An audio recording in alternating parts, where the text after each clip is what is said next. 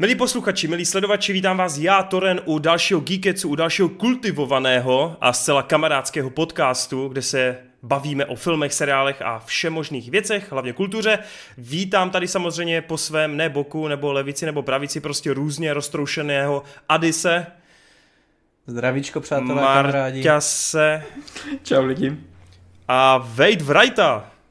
Ahoj všichni. Všichni. Mm. Ano, správně, uh, už si to Skvělý. posral.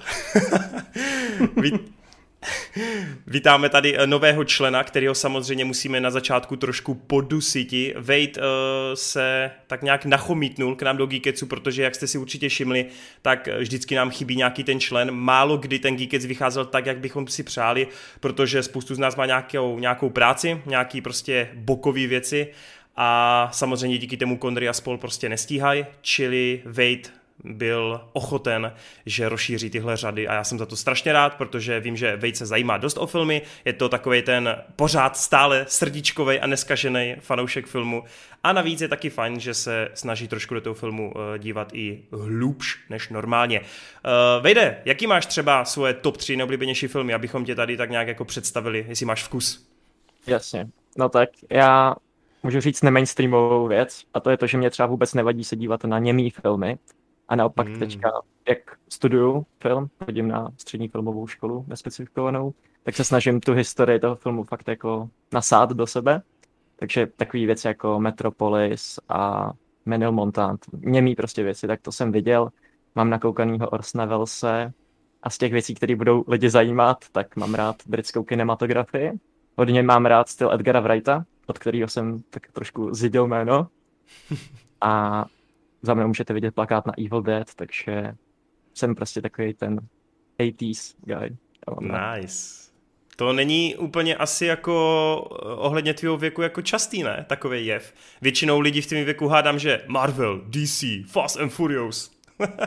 Marvel a DC, tak na tom jsem vyrůstal, že jo. Co- Což právě jako je dobrý, že můžu jako jediný říct, že fakt jsem s tou značkou byl od malička a je to pro Hmm. mě, jak pro lidi tehdy byl třeba Harry Potter, tak Hmm. jak tomu mám úplně jiný vztah, ale už prostě nejde koukat jenom na Marvelovky, lidi musíte prostě se o to zajímat víc, že jo. Takže já Ano. se snažím Rozšířit si obzor. přesně tak. Správně. Tak to se mi líbí, to si udělal krásný, krásný takový. No, ale jenom abych řekl, tak jako není to tak, že já jsem na svůj věk nějak extra výjimečný, ale prostě určitě se najdou taky lidi, kteří sledují mnohem lepší věci než já. A Hmm, hmm. A jestli ještě můžu takhle nějakým způsobem, kdyby si mohl třeba vybrat nějaký neočekávanější projekt, kromě teda nového filmu Edgara Wrighta, to je jasný, Last Night in Soho. kromě Last Night in Soho, tak určitě Duna, Hype, Yes! naprostej bůh a byl jsem teďka na IMAXu právě na Suicide Squad, který budeme probírat a když jsem viděl trailer na Dunu na IMAXu, na tom velkém plátně, tak mi to urvalo koule. Yes! Je, jako, těším se, těším se moc. Tak to jsme byli možná vedle sebe skoro. taky, taky, taky v IMAXu pouštěli právě trailer a udělalo mi to velkou radost. Možná na to Suicide Squad mám trošku zkreslený pohled skrz ten trailer, těžko říct. K tomu se ještě dostaneme. Každopádně, abychom teda eh, se odpíchli od toho úvodu, eh, abychom se ponořili do nějaké debaty, tak my všichni čtyři jsme viděli nový film Dwayna Johnsona, The Rocka, eh, společně s Emily Blunt, taková dobrodružná jízda ve stylu Indiana Jonese, Mumie a takových těch jako klasičtějších dobrodružných filmů. Jedná se o Expedici džungli a No, já nevím vlastně, z jaké strany to uchopit, protože trailery mě úplně nepřesvědčily, hodně jsem se bál digitálního bordelu, bál jsem se těch hnusných Disneyho filtrů, bál jsem se, že to bude průměrný, ale ve výsledku jsem u toho nijak zvlášť netrpěl a vlastně to bylo docela, docela milý. Takže já samozřejmě budu nějakým způsobem vám ještě možná oponovat nebo přidávat nějaký svý vlastní názory, ale spíš bych to rozkopnul mezi vás a povězte mi, jak jste se uh, vycítili u expedice. Třeba Marťas. Skvělý pick, no. Já jsem to chtěl tady namluvit nejméně o tom, protože popravdě z toho filmu si nepamatuju skoro vůbec nic. nice. A, a jako je to fakt čistě tím, že to je takový jednoduchý výplach, prostě, který mi vůbec nic nedal, víš co, tam není pro mě nic, eh, co bych jako si bylo hodno si vůbec zapamatovat, nebo tak. Tím nechci říkat, že to je špatný film, to vůbec ne, on je natočený hodně dobře, pěkně se na něho dívá, má dobré tempo, prostě je, je to prostě taková ta jednohubka popcornová, prostě, kterou si dáš a zapomeneš na ní, což je přesně to, co já jsem udělal. A jako jediná věc, co, co mě tam trošku táhla k tomu filmu, tak je možná to, že jsem před nedávnem viděl Tiché místo s Emily Blunt a měl jsem docela chuť na další nějaký její herecký výkon, což tady jako nesklamala, byla docela zajímavá. Ale jinak jsem od toho neočekával víc než třeba od Jumanji. Mně to přišlo strašně podobné, jako i těma gigama, i tím prostě, jak, jak to vypadá a tak. Jenom zasazené prostě trošku do jiného prostředí. A fakt jako nevím, co, co víc o tom říct, protože ten film o mě vůbec nic nezanechal. Takže jsem mu dal tři hvězdičky, je to prostě film, který si pustíš jednou a už se k tomu nikdy nevrátíš. Aspoň pro mě to takhle bylo.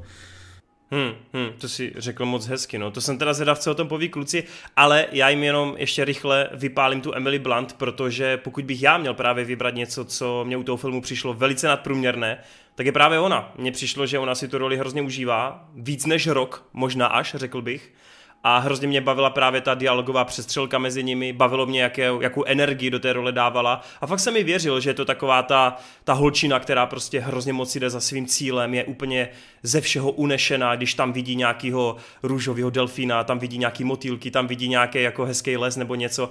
To mně přišlo fakt, že si to, že to zahrála fakt hrozně dobře, uvěřitelně a taková ta jako dětská radost, která s ní čišela, tak ta mě přišla taková až trošku nakažlivá, že fakt jsem tam cítil, že Disney tady tvoří ten film na základě toho zábavného parku a ona to úplně podle mě dokázala prodat, jak kdyby byla nějaký ten divák, který si koupí právě tu stupenku do toho zábavného parku. No. Ale uh, to jsem jenom tak zase tady trošku si odběh. Každopádně třeba co Wade, co, co ty na to? Jo, tak po mně to sklouzlo úplně naprosto stejně jako po Martin. Jediný, co si z toho pamatuju, je fakt vztah Dwayna Johnsona a Emily Blunt.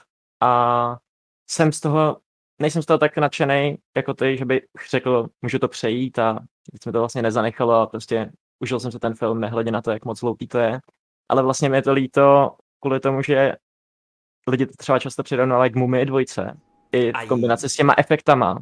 A když já si vzpomenu na Mumii dvojku, tak to byl prostě poctivý jako dobrodružný film, ve kterém se dalo vyrůstat a tehdy jsem si prostě pamatoval, že to mě něco zanechalo a takový to dobrodružství, to rizí dobrodružství, tak jsem z tohohle vůbec necítil. Tohle je prostě zábavní park, ale je to zábavní park naprosto vykalkulovaný, bez přidané hodnoty a vlastně nevím, proč je vůbec potřeba něco takového vidět nebo dělat podobné věci a nemá to duši pro mě. Hmm. Hmm, hmm. Uh, Adis, co ty? Jak říká Vejc, to duši je docela takový dobrý příklad, protože právě v průběhu toho filmu jsem si říkal jako čemu to tak nějak spěje, nebo jako proč se na to vlastně díval, nebo proč se na to šel a vlastně jako já jsem o to neměl žádné očekávání, podle mého lidi, co třeba na to nadávají, tak když se podívají na trailer, tak podle mě ten trailer dokáže skvěle ukázat, jako jaký to asi tak bude, že tam není něco, že bych si řekl sakra, tak tohle je fakt na hovno. Ale zároveň tam není něco, bych řekl, jeda, to je super. V konečném setku, jak jste vyšší zmínili, tak to táhne Emily Blunt a všechno, co tam je tak nějak kolem, tam jakože tak nějak neurazí, ale zároveň ani nenatchne. Prostě jako, jako strašně si to vezme na tom průměru a moc to nevy, z toho tak nějak jako nevybočuje. Ale co mě vadilo, že jsem z toho nějak necítil, jestli to vážně má být dobrodružný film, anebo právě spíš jak taková reklama na ten park a jak, jak to právě přednáváte s to Emily Blunt, jako, že si užívá tu cestu tím parkem, tak jako ono to i sedí, protože já jsem z toho neměl pocit, že to je nějaký moc dobrodružný. Zároveň jako jo, možná komedie, ale zase úplně tak, že bych se hodně smál, prostě úplně se nechápal, kam to cílí a co si toho tak nějak mám odníst, jako do jakého žánru se to chce tak nějak zařadit a jako co to chce tak nějak předat, no takže to byl asi pro mě takový ten největší problém. Jedna věc, skrz to, že jako, než bych neměl rád Roka, ale jsem u něj tak jako opatrný, jako neřekl bych, že je úplně nějaký super herec, herec a prostě je to takový, že vyložně záleží, kde je dosazený a ono to je pak, je, když teďka nesi právě vyzradit ten příběh, ale vlastně taková ta hlavní myšlenka, co člověk dozvědá průběhu toho filmu, tak jako než, než to celý jako tak nějak rozvětví a zjistíš vlastně, co on je zač, tak jsem si celou dobu říkal, ty vole, jako z něj tady dělají fakt takovýho, jako že mi to šlo až takový trošku stupidní, takže jako v průběhu toho filmu jako jsem byl ne, že, jak, jak Marty řekl, má to dobrý tempo, tak zrovna tady tenhle ten prvek, mi to spíš to tempo tak trošku podrážil, jsem si říkal, jo, to je fakt jako hloupý film, pak na konci jsem zjistil, aha, nebo na konci, já nevím, po, po, po půlce filmu jsem zjistil, že jo, tak ono to dává smysl, není to tak špatný, ale některá moc to ten film jako nezachránilo, no. Hmm, chápu, no. No, uh, vlastně takže ve výsledku to asi dopadlo tak nějak, jak se dalo čekat. Já jsem teda asi možná z vás jako, já bych neřekl nejpozitivnější, ale já jsem to asi nejvíc hejtil od ukázek mě přijde.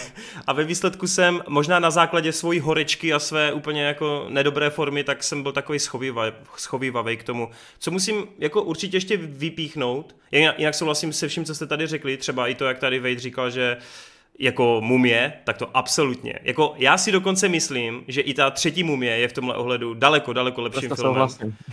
Jo, že já si myslím, že takhle zpětně to člověk daleko víc ocení, že to byl ještě fakt pořádný do- dobrodružný film. A vlastně i zpětně si člověk řekne, že i ty další Piráti z Karibiku nejsou tak špatní, jak třeba i tohle, tady ten pokus. Je to škoda, protože budget tam je, je to vlastně dost uh, produkčně prostě nařáchaný, jsou tam velký uh, jména, ale zároveň taky přesně ten film postrádá jakoukoliv jako živelnost, ale tu realistickou živelnost. Mě teda jedna věc tam potěšila, to je ta, že tady byl jakýsi pokus o to, nebo přirovnat to právě k té mumii a Indimu, kdy každá z těch vedlejších postav má svým způsobem nějakou svou jednu věc, která se na příštím filmem vlastně opakuje, nebo je tam, každá z těch postav má prostě nějakou svou jako rozpoznatelnou, nějakou ne, nevyloženě ikonickou, ale rozpoznatelnou věc, kdy prostě člověk si řekne OK, možná je to karikaturní, možná je to nějaký jako schéma té postavy, ale zároveň jsou aspoň nějak rozeznatelný. Včetně toho flashbacku, který mě přišel docela pěkně naroubovaný, i to nějaký odhalení. Takže jako nějaký pokus dát tam něco navíc, tam podle mě je, ale jako celek je to prostě hrozně, hrozně obyčejný a hrozně výplachový. Mě hodně mrzí teda to finále, který mělo podle mě jako ambice na to, aby bylo trošku lepší, ale ve výsledku to fakt byl, jak říkáme, digibordel. Byla to škoda, protože některé ty pasáže uprostřed mi přišly docela podařený, ale v momentě, kdy vy natáčíte film o nějaké džungli a nenatáčíte v reálné džungli a všechno jsou jenom kulisy a prostě zelený plátna, tak je to prostě nuda k posrání, no. Mě strašně na tom vadilo to, že já jsem necítil vůbec žádný impact uh, nějakých zvratů, který se tam děli. Tam prostě v jednu chvíli máte, zautočil na vás tygr a v druhé scéně porazíme tygra, zjistíme, že celou dobu tygr byl s nima a to je vlastně Jo. s každou překážkou, která je v tom filmu čeká. To Hmm. je jenom přesně, jak je ten zábavní park, nějaká jízda uh, horskou dráhou, tak jenom ten film projíždí těma překážkama a řeší je v podstatě lusknutím prstu, až dojdeme teda k tomu finálnímu finále, který je prostě obří tygy bordel a naprosto jsem si ho neužíval jakýmkoliv způsobem. Jasně, no. Hmm, tak to je škoda, no. Každopádně já bych, já bych to klidně dal někde na tu 5, 6, 10 a jako neříkám, že to je na návštěvu kina, ale na nějaký výplach, až to bude na streamovací platformě, tak, tak podle mě úplně v pohodě, ale opravdu to není žádná mumie, není to žádný indie a radši si prostě puste, nevím, Flina Carsna, vole. Jo, Takže tak, no. Uh, přemýšlíme si, teď půjdeme na něco trošku pozitivnějšího, ale já bych řekl, že jo, že, že půjdeme na věc od Guy Ritchieho, kterou tady teda viděl jenom Adis a já a vlastně i Marťas, ale ten už si to zase tolik nepamatujeme. Martin má všeobecně takový problém s tím, že mu vypadávají věci, což je na chodící v Wikipedii trošku špatný. Já si nepamatuju filmy, které ve mně nic nezanechají, víš co? Ah, Kdyby, když jsi mě zeptal na Gentlemany, tak ti udělám recenzi ještě znovu teďka po roce, protože ten film mě fakt bavil, ale roznívaný muž mi nesedl. A to jako, já mám rád Guy Ritchieho, já mám rád Jasona Stathama, ale prostě už jenom tím, jaký ten film je, tak mě to ně- nějak extra nebavilo, no, bohužel. Ach, a já bych zrovna řekl, že tady Richie trošku vystoupil ze své nějaké obyčejné škatulky a že se pokusil o něco trochu jako novýho, o něco ambicioznějšího. Řekl bych, že to je dost možná jeho nejtemnější film, jako nejsurovější film. Řekl bych, že se tady tentokrát fakt vykašlal na svoje rychlé střihy, že se vykašlal na nějaký to On, on nemývá jako lineární tempo, ale tady úplně se jako rozhodl ten film rozdělit na takový tři velký dějství, na takový tři segmenty. Celkově to i časově hodně uh, přeskládat přes sebe. A na mě to prostě strašně působilo a fungovalo. Líbilo se mi, že v té první, první části sleduješ toho Stedhema, který někam nastoupí, tváří se celou dobu hrozně jako sterilně, vůbec nevíš, co od něho očekávat. Zároveň ale tušíš, že něco za ním je, něco velkého, nějaká velká historie, že on skutečně na sobě jako má uh, nějaký ty jako obří základy, na kterých potom celý ten film bude stavět. No a pak samozřejmě v té druhé půlce se to tempo pro jistotu ještě trochu zpomalí, uh, zjistíš právě ten background, zjistíš, co všechno se teda děje. A v té třetí závěrečné části tak tam potom se jako rozjede ten masakr, který je nekompromisní, drsnej, podle mě šokující, ale je teda pravdou, to jsem četl hodně na ČSFD, že ty si úplně jako nedokážeš vytvořit vztah k těm postavám, protože ono to není jenom o Stedhamovi, je to celkově o té grupě lidí, se kterými pracuje, plus uh, pracuje v jiné práci, plus teda i ti nepřátelé. A je pravda, že prostě tam není asi dostatek prostoru k ním, ale zároveň mě ty postavy, tak jak byly načr- načrtnutý, tak mě přišly prostě úplně v pohodě a já si ten film užil, byl skvělý. Po dlouhé době máme thriller, který má i fakt vynikající soundtrack, takový hodně tepavý, drsný, úplně se ti vleze pod kůži.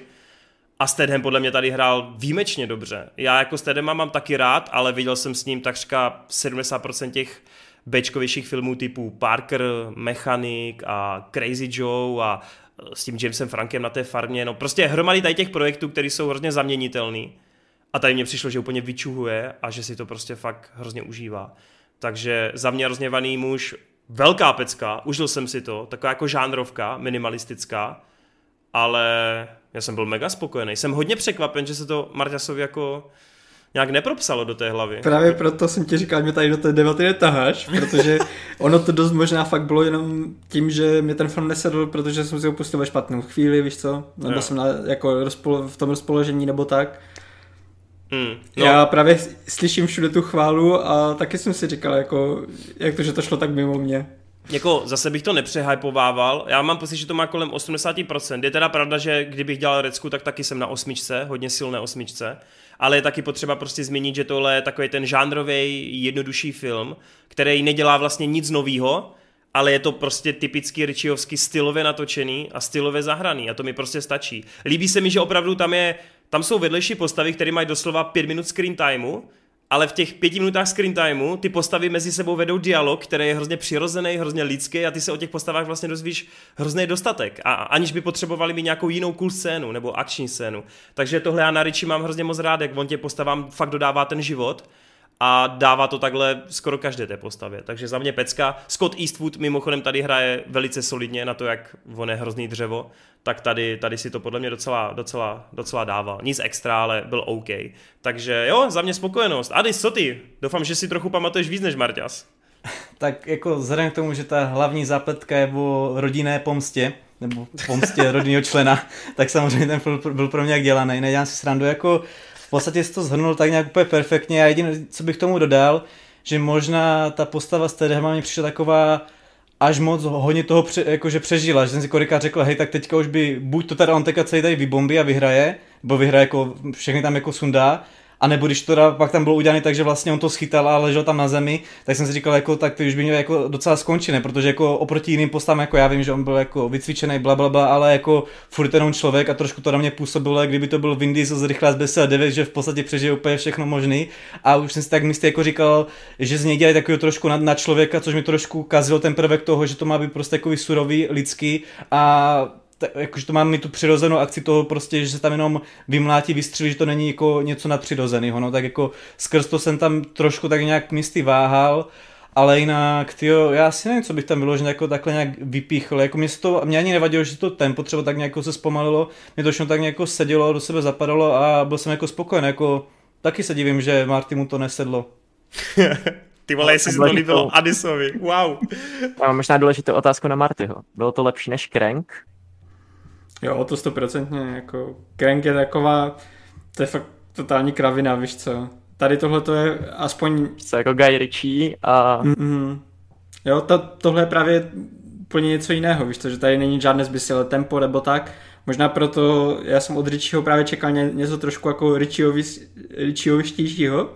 Zatímco tohle tím způsobem, jak je to natočené, tak se to daleko víc blíží jako klasickým nějakým akčním dramatům, než prostě veškeré jeho předchozí tvorbě.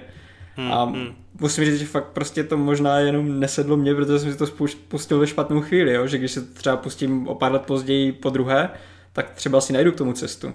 Právě proto jsem to nechtěl tady nějak recenzovat.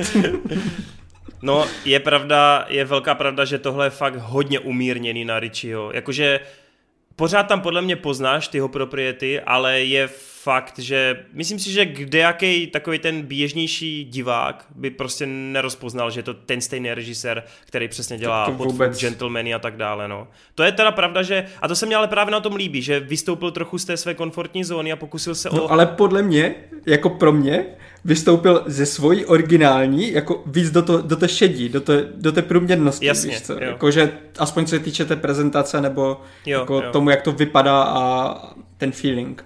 Ale jako hmm. já chápu, proč to udělal, že právě on si chtěl pohrát tady jako s jiným typem příběhu, než normálně vypráví, do kterého by tady ten zběsilý jeho styl neseděl. Takže já právě nechci to zhazovat za to, že on si chtěl natočit ten film tak, jak se ho natočil, víš co? OK, tak já ti to odpustím teda, Martina, no. Aspoň pro jednou, prostě. Takže Marty zůstává v Getsu, super. A ještě, ještě nějaký, nějakou epizodu mu dáme na vykoupení. Tady pomalu nový náporu děláme a za chvilku můžeme přestaneme, přestaneme, zaslouženého důchodu. Přestaneme být kamarádi, víš co, Martine, to teď letí totiž. jo, no. No tak jo, tak pojďme se pořádně pohádat u asi největšího filmu letošního léta, protože toto bude asi hodně divoký a strašně se těším na to, co tady společně vyplodíme. Eh, bavím se samozřejmě o nové Suicide Squad. Já si myslím, že není potřeba ten film nějak představovat, všichni tak nějak jako tuší o co go, takže rovnou, rovnou si kluci rozeberte slovo a pojďte do toho. Kdo, kdo je vlastně tady nejspokojenější? Myslím, že Vejt, že? Nejspokojenější jsem z téhle skupiny já. Ale pořád jsem dal vlastně stejné hodnocení jako ty, ale pro mě je pět hvězdiček na to 80%. Takže já jsem očekával de facto pořádný akční film, něco jako Strážce galaxie, měl toto známku James Gunn a vlastně jsem ani si o tom nic nečetl, nehledal jsem nějaký smysl v těch jeho slibech o tom, jak to bude strašně drsný a nekompromisní. A překvapilo mě, že se tam dokázal udržet nějakou tu svoji, ten cool faktor, dokázal odprezentovat vlastně přesně to, o čem mluvil a přesně to, co slíbil, alespoň pro mě.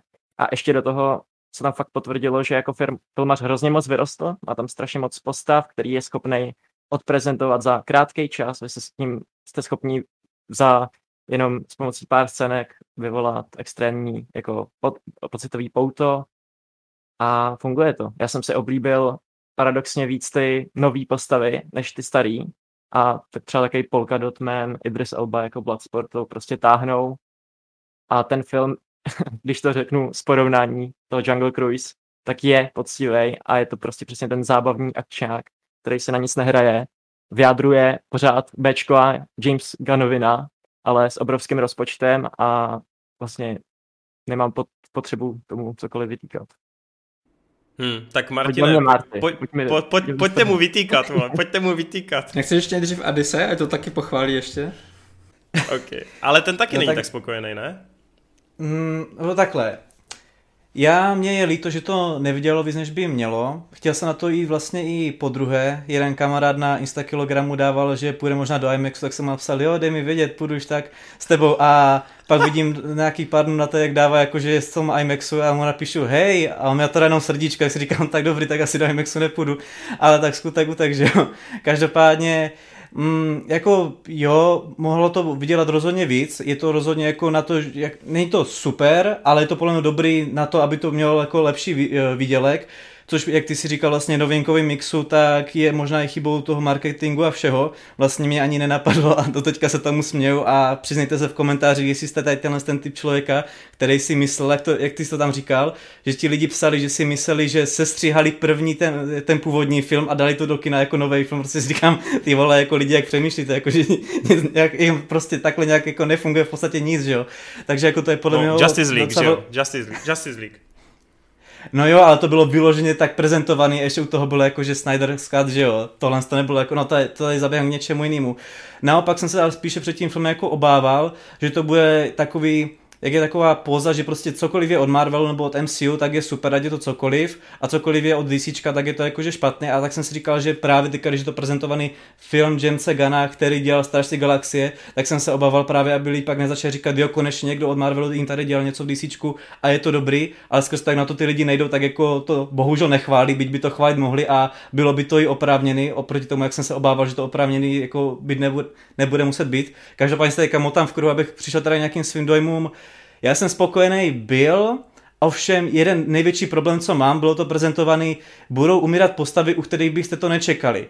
A já, jelikož už jsem z předchozího filmu jako měl rád Harley Quinn, nebo celkově tu postavu mám rád, tak jako jsem si říkal, jako mám se vážně bát o Harley Quinn, je tady nějaká šance, že by tuhle tu postavu jako sundali k zemi. No a jako nevím, jak tady hodně můžu vyzrazovat, ale jako tohle by si vážně netroufli, což byl právě ten problém, že jako já jsem o svou oblíbenou postavu strach neměl a to je jako ten jako asi zásadní prvek v tomhle tom filmu, že v podstatě jako já se na to koukám s tím, že vím, že ona prostě jako přežije.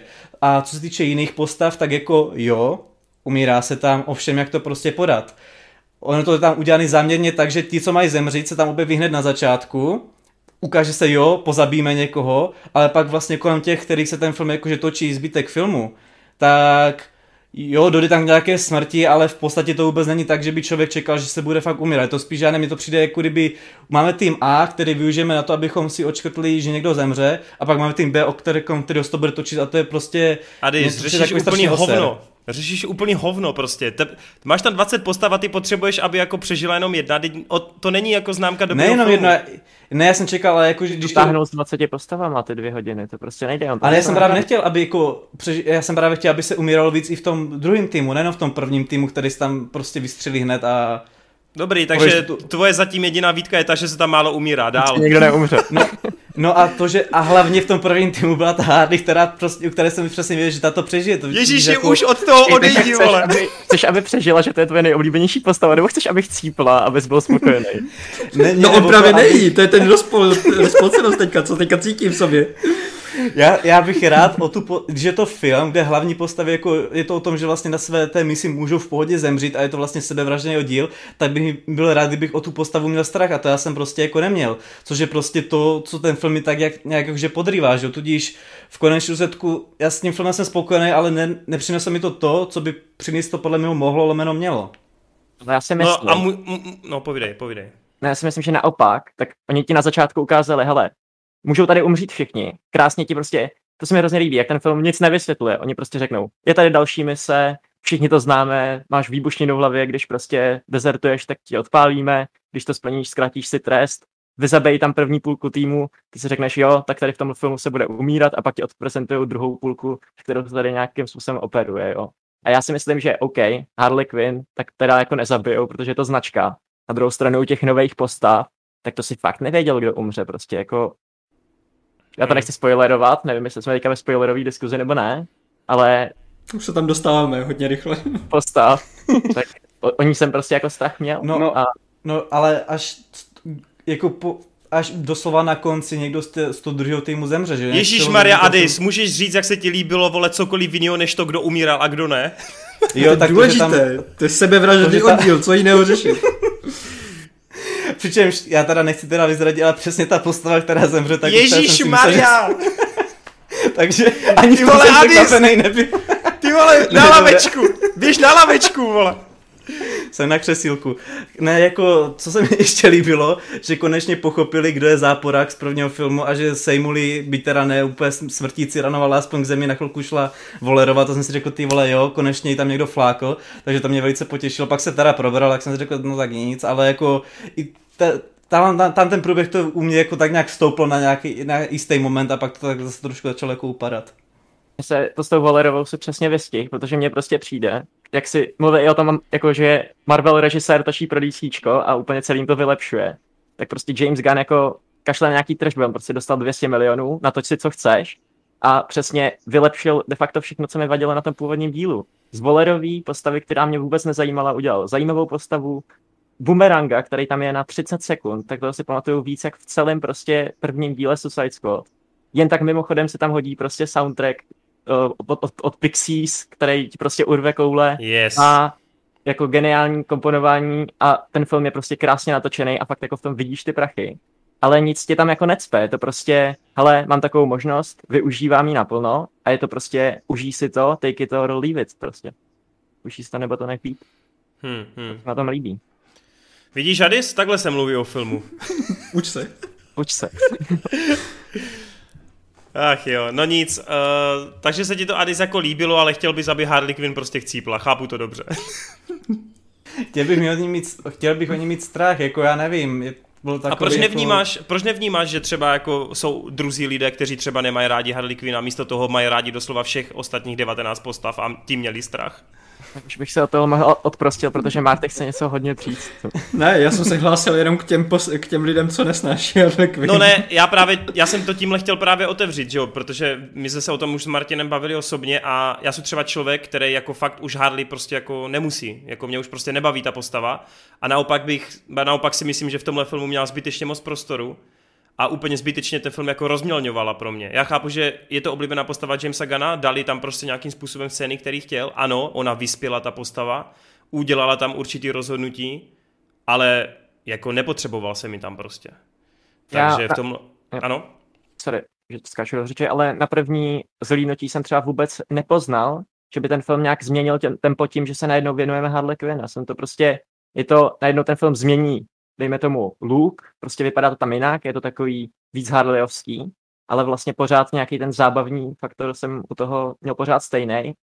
Byla tam skvělá akční scéna, která prostě jako od boku si tam dal prostě fakt choreograficky čistou scénu, která prostě plynulou kamerou jako lemuje uh, nějakou choreografii tý Margot Robbie, která se to asi musela teda jako nabiflit a prostě je v tom vidět, že prostě i tahle ta blbá scéna, která je tam úplně mimochodem, tak je lepší jak prostě většina akce třeba v Black Widow nebo něco takového. Jak když to srovnám fakt s těma mainstreamovýma věcma, které se teďka v dnešní době vznikají, tak fakt mi to přijde dobrý, jako. V těch slabších No, momentech. No, Marťas, pojď. Dobře. Uh, tak Kuba mě tady drží teďka jako takového člověka, který to bude hejtit totálně, protože když jsem to zhlédl, tak jsme se potom bavili asi, já nevím, hodinu potom. Uh, No. Jsme se potkali v kuchyni a trošku jsme to probírali. A to, to jako fakt moje, moje hodnocení nebylo moc vysoko, protože mě ta Harley Quinn fakt jako ničila ten film, ale jako fakt nehodázným způsobem, protože Uh, přesně v podstatě už tady věci, co, co, co třeba i Adis naťukl, že všechny ostatní postavy mohly umřít kdykoliv, jako fakt všechny. To, to právě ukázal tu, tím začátkem, ale v momentě, kdy jsme se přepli do jejího příběhu, tak tam bylo stoprocentně jasné, že jí se nic nestane. Že ona, i kdyby chtěla, i kdyby tam prostě stalo proti ní vojsko, tak ona tím vojskem projde s úsměvem na tváři a všechny je vyzabíjí protože ta postava prostě má tolik plot armoru, tolik eh, marketingu za sebou, tolik všeho, že ona úplně vyčnívala z toho filmu. Ten film má být o loserech, o odpadlících, o, o lidech prostě, kteří jsou neznámí, kteří jako pro publikum, které nečte 15 roku komiksy, tak by měli být jako spíš neznámé jména, než neznámé.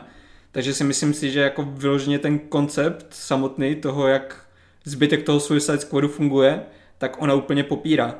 A je tam jenom proto, že právě má už za sebou dva filmy a studio by se bez ní neobešlo.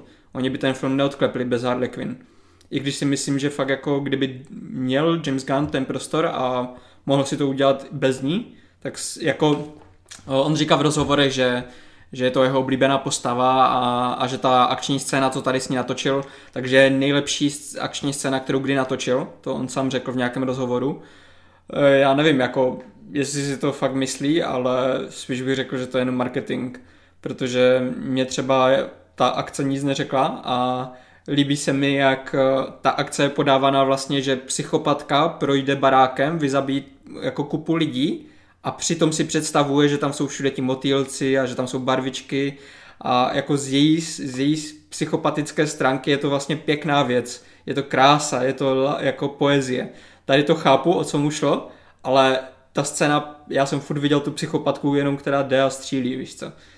Takhle já jsem měl jako pocit z celé postavy v, napříč celým filmem a bohužel kdykoliv eh, jsme se věnovali jejímu příběhu, tak mi to fakt jako hodně kazilo ten, ten dojem výsledný.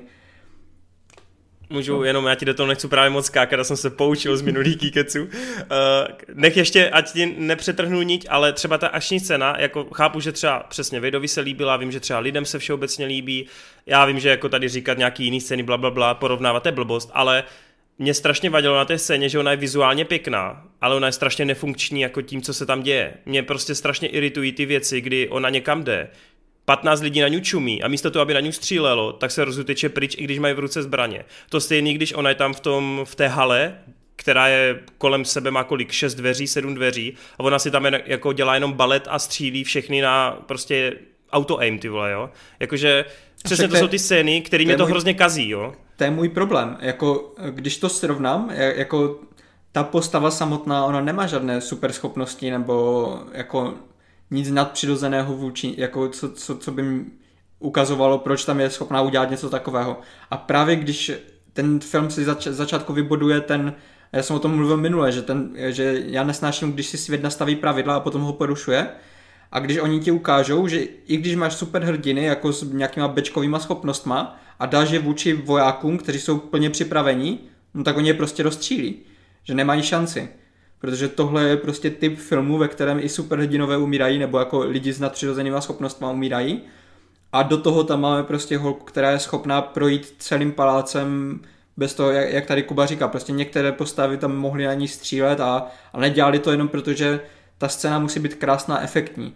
A to je prostě celá Harlequin, a to není jako problém tady tohohle filmu, James Gunn se fakt snaží jako jí dát nějaký aspoň příběh nebo arc nebo tak, ta postava měla pro mě i v těch předchozích filmech prostě ten problém, že ona je jenom hodně na efekt, ona dobře vypadá, ona se dobře prodává v těch trailerech, dobře vypadá na plagátech a v určité momenty prostě třeba ve finále je tam v takové tekutině a jenom tak jak kdyby plave v takovém ozařujícím světle, je to celé krásně zpomalené a ona si tam ještě užívá, jak to krásně vypadá a ono to fakt krásně vypadá, ale je to prostě prázdné pro mě, protože ta akce, kterou ona ukazuje, je prostě ničím nezajímavá. Jde jako, že jako úplně ne, jako ultra nemáš rád. Já jsem to měl prostě tak 15 minut máme prostě příběh Harley Quinn, vidíme to jejím pohledem, ten film se úplně prostě přepne, jak kdyby koukal na Birds of Prey, kde se jí taky nic nestane, tam jezdí na kolečkových. Ale to je problém. Je, to, to jsi řekl úplně krásně. To jsi řekl úplně krásně. Představ si, jak, jak kdybych ti to popsal, abys mi rozuměl, protože vím, že máš rád stejné, stejné typy filmů a tak.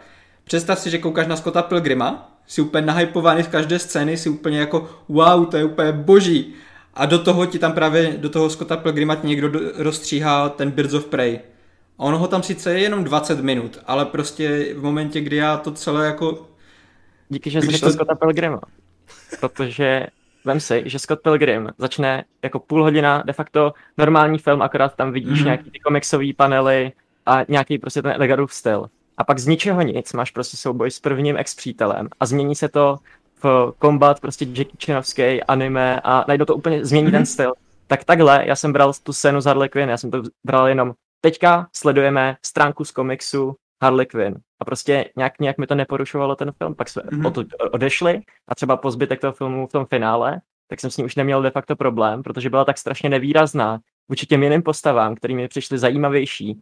A to, že tam prostě občas řekne nějakou hlášku mimo nebo tak, tak to můžu i v klidu odignorovat a můžu si v klidu užívat mm. uh, bez toho. Jedin, jediný Adis se u Harley vždycky smál a za břicho popadal.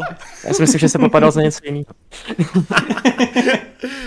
No prostě pro mě je problém v tom, že uh, já jsem měl úplně fakt jako skvělé jídlo před sebou, měl jsem fakt na něho chuť, ale v momentě prostě, kdyby jenom trošku přisypeš špatného koření do toho, tak to koření jde strašně cítit, víš co.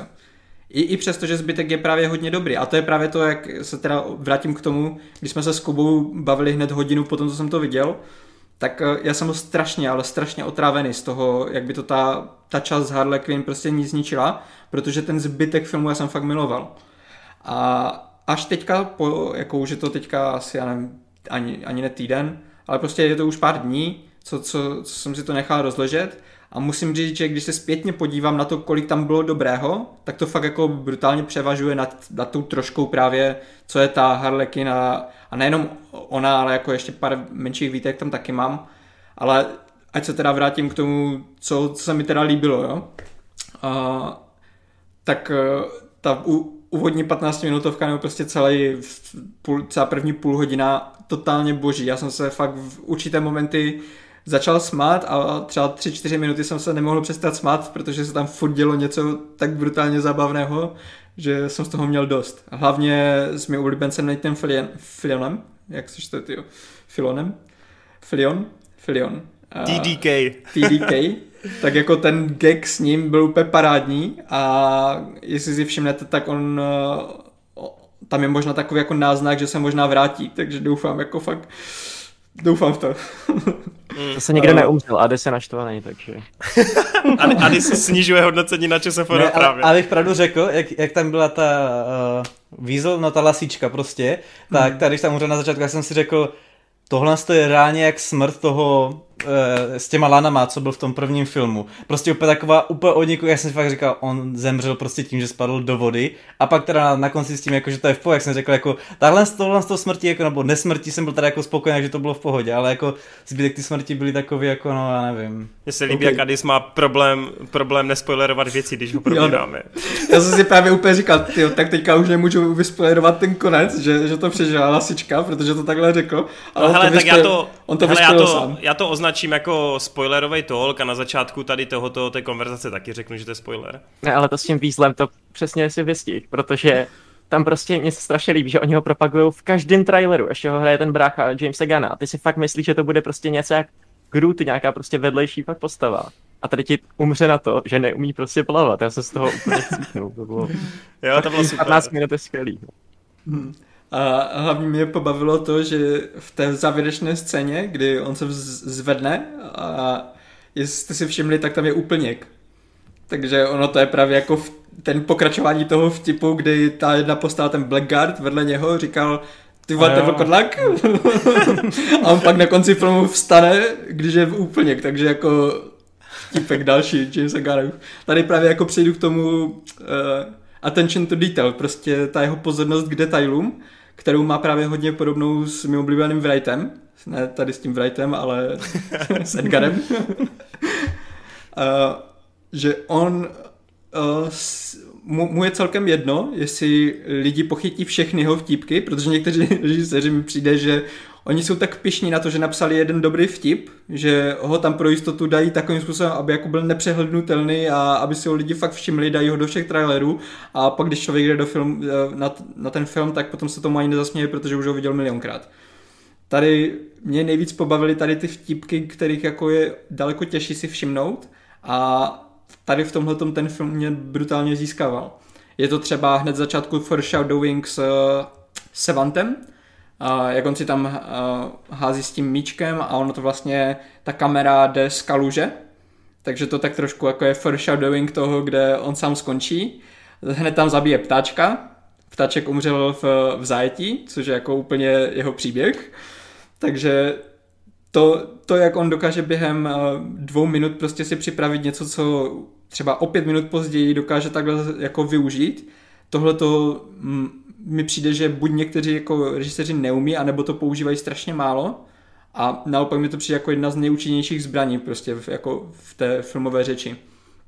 A jak tady ta jejich velitelka zdůrazňuje, že každý z nich má určité, jako určitý smysl, určité poslání, že je vybraný z určitých důvodů a jako a je pro něco důležitý když se zpětně podíváte na ten film, jako podívejte se na něho poprvé, užijte si ho, ale když se potom zpětně zamyslíte nad tím, jakou každá ta jedna postava hrála roli, tak u některých je to docela těžké jako uh, učit, proč tam byli, nebo jako z jakého důvodu je dala do toho týmu a tak. U, samozřejmě u některých je to jednoduché, protože byli jenom návnada, ale u některých třeba ten uh, Sena, co, co hraje, jak se jmenuje? Uh, Peacemaker. Peacemaker, tak Peacemaker, on tam během toho briefingu zvedne ruku a ptá se, že jo, na něco. A já teda teďka nevím, je to spoilerová diskuze, nebo to není spoilerová diskuze? jo, už je, je to, to spoilerová. Je to spoilerová, jo? Děkujeme, Dobře. Adisi. Takže on se tam přihlásí a zept, uh, udělal prostě vtípek na to, že Starfish je slangový výraz pro prdel, jestli to má něco společného. Proč se na to ptá, když on je tam nasazený agent, který dopředu ví, proč tam jde? Zeptali jste hmm. se na sebe, proč, proč to udělal? A ono to má úplně jednoduchý jako uh, smysl. On hrál, ne, on hrál přesně, on hrál blbečka před těma jako ostatníma členama týmu. Aby ho nikdo nepodezíral, protože on celou dobu hraje toho prostoduchého blbečka, i když ve skutečnosti takový jako dost možná není. A to je právě úplně kouzlo té postavy, proto je pro mě úplně top, jak je napsaná, jak je zahraná, jak je tady podaná, že uh, většina lidí z toho filmu fakt odejde s pocitem, že on byl nějaký tupec, nějaký blbeček prostě nebo tak. Přitom ve skutečnosti on, on tam byl jako ten, to největší zlo, jako kromě té velitelky, jestli to takhle můžete brát, že jako velitelka to celé zoscenovala, ale on byl ten její žolík, který prostě měl zaručit, že ta mise dopadne tak, jak ona chce, nehledě na to, kolik bude muset zabít lidí, jak on rád říká, že Takže je, jestli takhle jde jako rozebrat tahle postava, tak si fakt můžete vzít každou postavu, i ty, které tam jsou jenom pár minut, a každá z nich má prostě nějakou roli, kterou tam hrála. A je to fakt jako parádně promyšlené. A další z takových jako deta- attention to detail Idris Elba tam jednou řekne vtípek na Peacemakera, že jeho helma je jako, um, že se leskne jako záchodové prkínko. Jaká je první scéna, kde jsme potkali Idrise Elbu? Co dělal? Pamatujete si to? No on tam drhne něco, ne? Na tom. A on tam drhnul záchodovou mísu. Takže on nejenom, že dokázal jako zhodit toho Peacemakera, že si z něho dělá prdel z jeho helmy, ale ještě vlastně pochválil sebe, že dokáže takhle krásně vyčistit záchod protože on tam řekne něco ve smyslu, jako že se to leskne jako záchodové prkínko a tím chtěl vlastně říct, že, v to, že on jak tam leští ty prkínka, takže vždycky takhle vyleštil. No, takové... Mimochodem, mimochodem tenhle vtípek jde ještě mnohem dál, protože když je tam ta bitka s Rickem Flagem, tak Rick mu pomocí té mísy, jakoby tam, hmm. že on tu mísu o něho roztříská, takže... Hmm. A to je právě ta, ten, ten prostě, co, co si nevšimneš třeba na první pohled, jako shlednutí, a, a že když potom jsem o pár dnů později si jako chtěl nějak víc ujasnit uh, myšlenky na ten film a projížděl jsem si některé ty scény, zastavoval jsem si, díval jsem se na některé ty detaily, tak jako tady se mě ten film neuvěřitelně začal získávat, protože já tohle úplně miluju. A Uh, nebýt toho, že tam jsou ty části z Harlequin, tak si to nejspíš pustím klidně ten film hned znovu. Jenom tady ta část mě prostě trošku jako odrazuje od toho. Ale já si myslím, že na druhý slednutí, když už budeš vědět, že tam ta scéna s Harley Quinn je, tak... Uh... No možná tak jako skip, že si dám, že si dám skip na tu, na tu část. Protože... Právě jsem to chtěl říct, že když to máš stažený, bys to mohl vystříhat a udělat si takový Martika, tak že to už mít vyloženě jenom podle potom to, potom to vydám na nějaké streamovací služby, Martyho Cut. a najednou to začne vydělávat ten film. Já jsem čekal, ne. že tě bude spíš vadit ta scéna z Harley Quinn kvůli tomu, že ona je úplně, mně přijde ten příběh, já ani nevím, jakoby, proč jí museli zachraňovat, víš, že ona tam mm. zabila nějakého toho důležitého bose ale vlastně ten příběh by se vyvíjel úplně stejně, kdyby toho bose nezabila. A ze scenaristického hlediska to vlastně nedává smysl. To jsem ale taky však, říkal, no. Však to jsou přesně moje výtky. Ona, kdyby tam v tom filmu nebyla, nebo kdyby umřela hned na, zasta- na začátku, tak ten film by vůbec nic nestratil, víš co? Jako to, že tam ve finále... Adis se by ztratil, Adis by odešel. to, to, to, že tam ve finálně bitve jako ona je ta první, která udělá tu díru do toho oka, tak jakože uh, tohle to může udělat každá jiná postava, víš co, když ji napíšeš takhle. Uh, on tam nepotřeboval ten gun z toho důvodu, že ona mu tam jako zapadala, tak jak třeba Red Catcher, bez které by se to jako daleko hůř obcházelo, ale prostě napsal jí tam, protože věděl, že tam musí aspoň něco udělat ta postava. Takže ona tam není, protože by tam jako zapadala, ale protože jí tam jako napsal, víš co. Což je docela pro mě rozdíl. Protože doslova každý je tam lepší než ona, že jo? Hmm. A jako i ty vtipky, co jí napsal jako Gun, víš co? Jako já se mám smát tomu, že chodím sem a tam, nebo uh, že tady na mě jako padá dešť, tak já budu si dělat srandu, že na mě někdo čůra. To, tyva, to jsou Šíka. jako Však Adis, školky, Adis už to má v diářku, vole, za nejlepší joke roku 2021. On už si to nechává vytetovat, tyvo, na bradavku. No pojď se, pojďme se odsunout do té Harley Quinn, strašně se u ní točíme. Jo, jo. Uh, potom z těch ostatních postav, jako i třeba ten Polkadot, u kterého, ke kterému jsem si úplně nenašel cestu, tak jako ve, ve výsledku některé ty, ty scény s ním fakt jako pobavily, třeba v ta, v, na diskotéce, ta, ta mě fakt jako regulárně rozesmála. Uh, líbilo se mi i to, že kromě toho, že jako je to komedie nařáchaná prostě vtípkama a R-ratingem, který jako využívá docela do maxima, tak i tak zvládne to mít trošku jako vážnější podtext, protože si pamatujete třeba na tu fotku, jak ukazují, jak vlastně zajmuli Staro a hmm. jak ji tam mučili, tak to je vlastně ta fotka odkazuje na to, jak američtí vojáci mučili vězně po iránské válce nebo po válce v Iráku, takhle. Právě trošku se mi nelíbilo to, že uh, vyloženě záporák tam kromě Seny nikdo nebyl. Že na to, že to jsou jako banda zločinců, Blackguard. tak uh, no, a jak dlouho. uh, jakože, víš co, tam máš partu kolika? Šesti, šesti postav a z nich jenom jedna fakt je špatná Hmm. A ostatní jsou, se chovají fakt jako hrdinové, kteří jenom omylem skončili ve vězení. Což Hele, mi tam tohle, nesedělo. já jako vím, že to je jako blbej příměs, ale já jakýkoliv uh, komiks se sebevraženým oddílem, který jsem četl, tak maximálně vždycky jenom jeden člen jakoby je nějaký double špion nebo něco takového, protože většinou mm-hmm. je to fakt o tom, že oni jsou sice zlí, ale jsou nuceni nedělat zlý věci, protože mají prostě tu bombu v hlavě a to je to téma toho filmu, že jo. Uh, takže oni se bohužel musí prostě tomu jakoby nějakým způsobem uh, musí se zohnout, no, vůči tomu, co normálně dělají přirozeně. Takže, takže to jako odpovídá komiksům v tom, že se nechovají jako úplní práci. No, jako v momentě, no ne, mě jde spíš o to, že i v komiksech je to dělaný tak, že maximálně tam prostě jeden, který ale přesně bývá už jako nějak domluvený, jakože to je nějak domluvený přesně jak s tou Amandou. Mm-hmm. A zbytek prostě, i když to jsou padouši, kteří v komiksové historii oproti filmu mají prostě obrovskou historii, jo, že, tak uh, oni prostě mají tu bombu a v té chvíli jako co chceš dělat? Chceš udělat něco zlýho a odpálit si hlavu? No nemůžeš, že jo. No Musíš to, prostě poslouchat. To úplně ne, ale jakože tady jde vidět fakt jakože skoro všichni chcou konat dobro, jenom prostě nikdy nevěděli jak, víš co. Že Ralok se cítí osamocený, neví jak se začlenit. No, kdybys tam měl... Elba si, si drží lidi od těla a, a prostě jsou to lidi, u kterých vidíš, že prostě oni jsou dobří, jenom prostě ten svět kolem nich jim nedovolil jako Hele, to už ale můžeš, to už můžeš taky jakoby říct, že třeba to byl tohle cíl té Amandy, že dala dohromady lidi, kteří mají nejmenší pravděpodobnost, aby se stali můžeš. zlými, že jo? Můžeš, no. Jako ono to takhle, jako můžeš si vykládat jenom, uh, tohle je jako úplně malá výtka, jenom prostě... Jasně.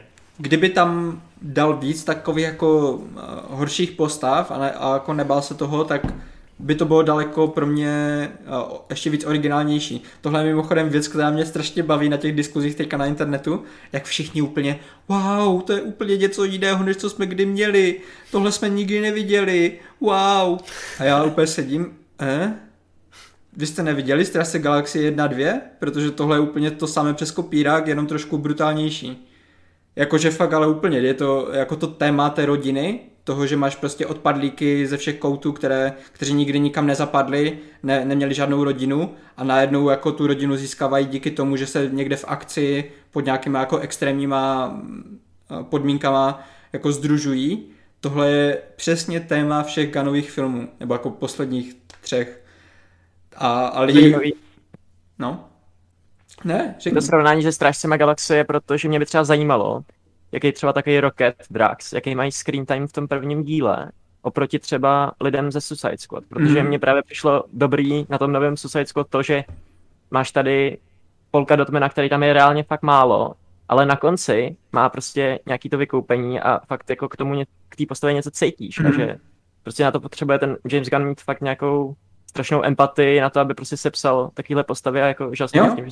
Ale on právě, on právě má velkou empatii, protože já nevím, jestli to víte, ale on si zažil nějaké jako zneužívání v dětství, no, nevím jak, jak přesně, ale on tím, že jako má tady tohleto trauma jako z dětství, tak on právě má oblibu tady v těchto těch uh, odpadlících, jako takových těch uh, charakterech, které prostě většina lidí nezná nebo nemá je rádo a on, on právě si k ním vždycky najde cestu, protože on díky té svoji empatii si dokáže najít cestu ke každému.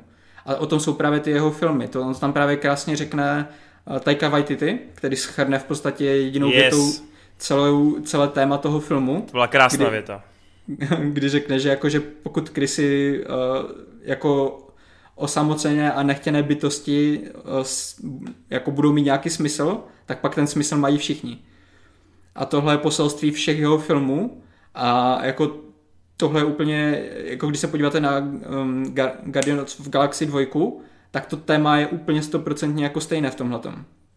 Jenom prostě tam hraje trošku víc na, na tu notu uh, otec a syn, tady hraje na notu otec a dcera.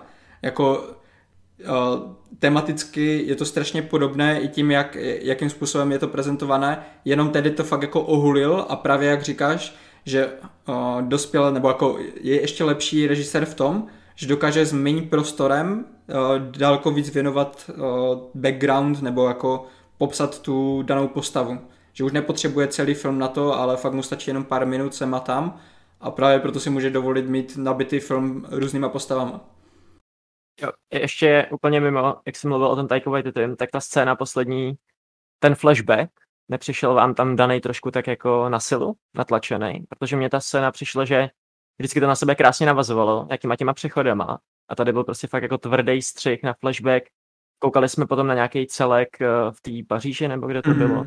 A prostě přišlo mi to takový najednou vytržený, jenom aby to mělo tu gradaci, která teda pro mě fungovala, já jsem si to užil, nemám s tím problém, ale jestli to nebylo Já to, já to viděl teda dvakrát s tím, že po druhý, když už jsem to čekal, tak jsem si všímal, jak ta scéna vlastně není úplně moc dobře udělaná, co se týče jako Hmm. toho vizuálu.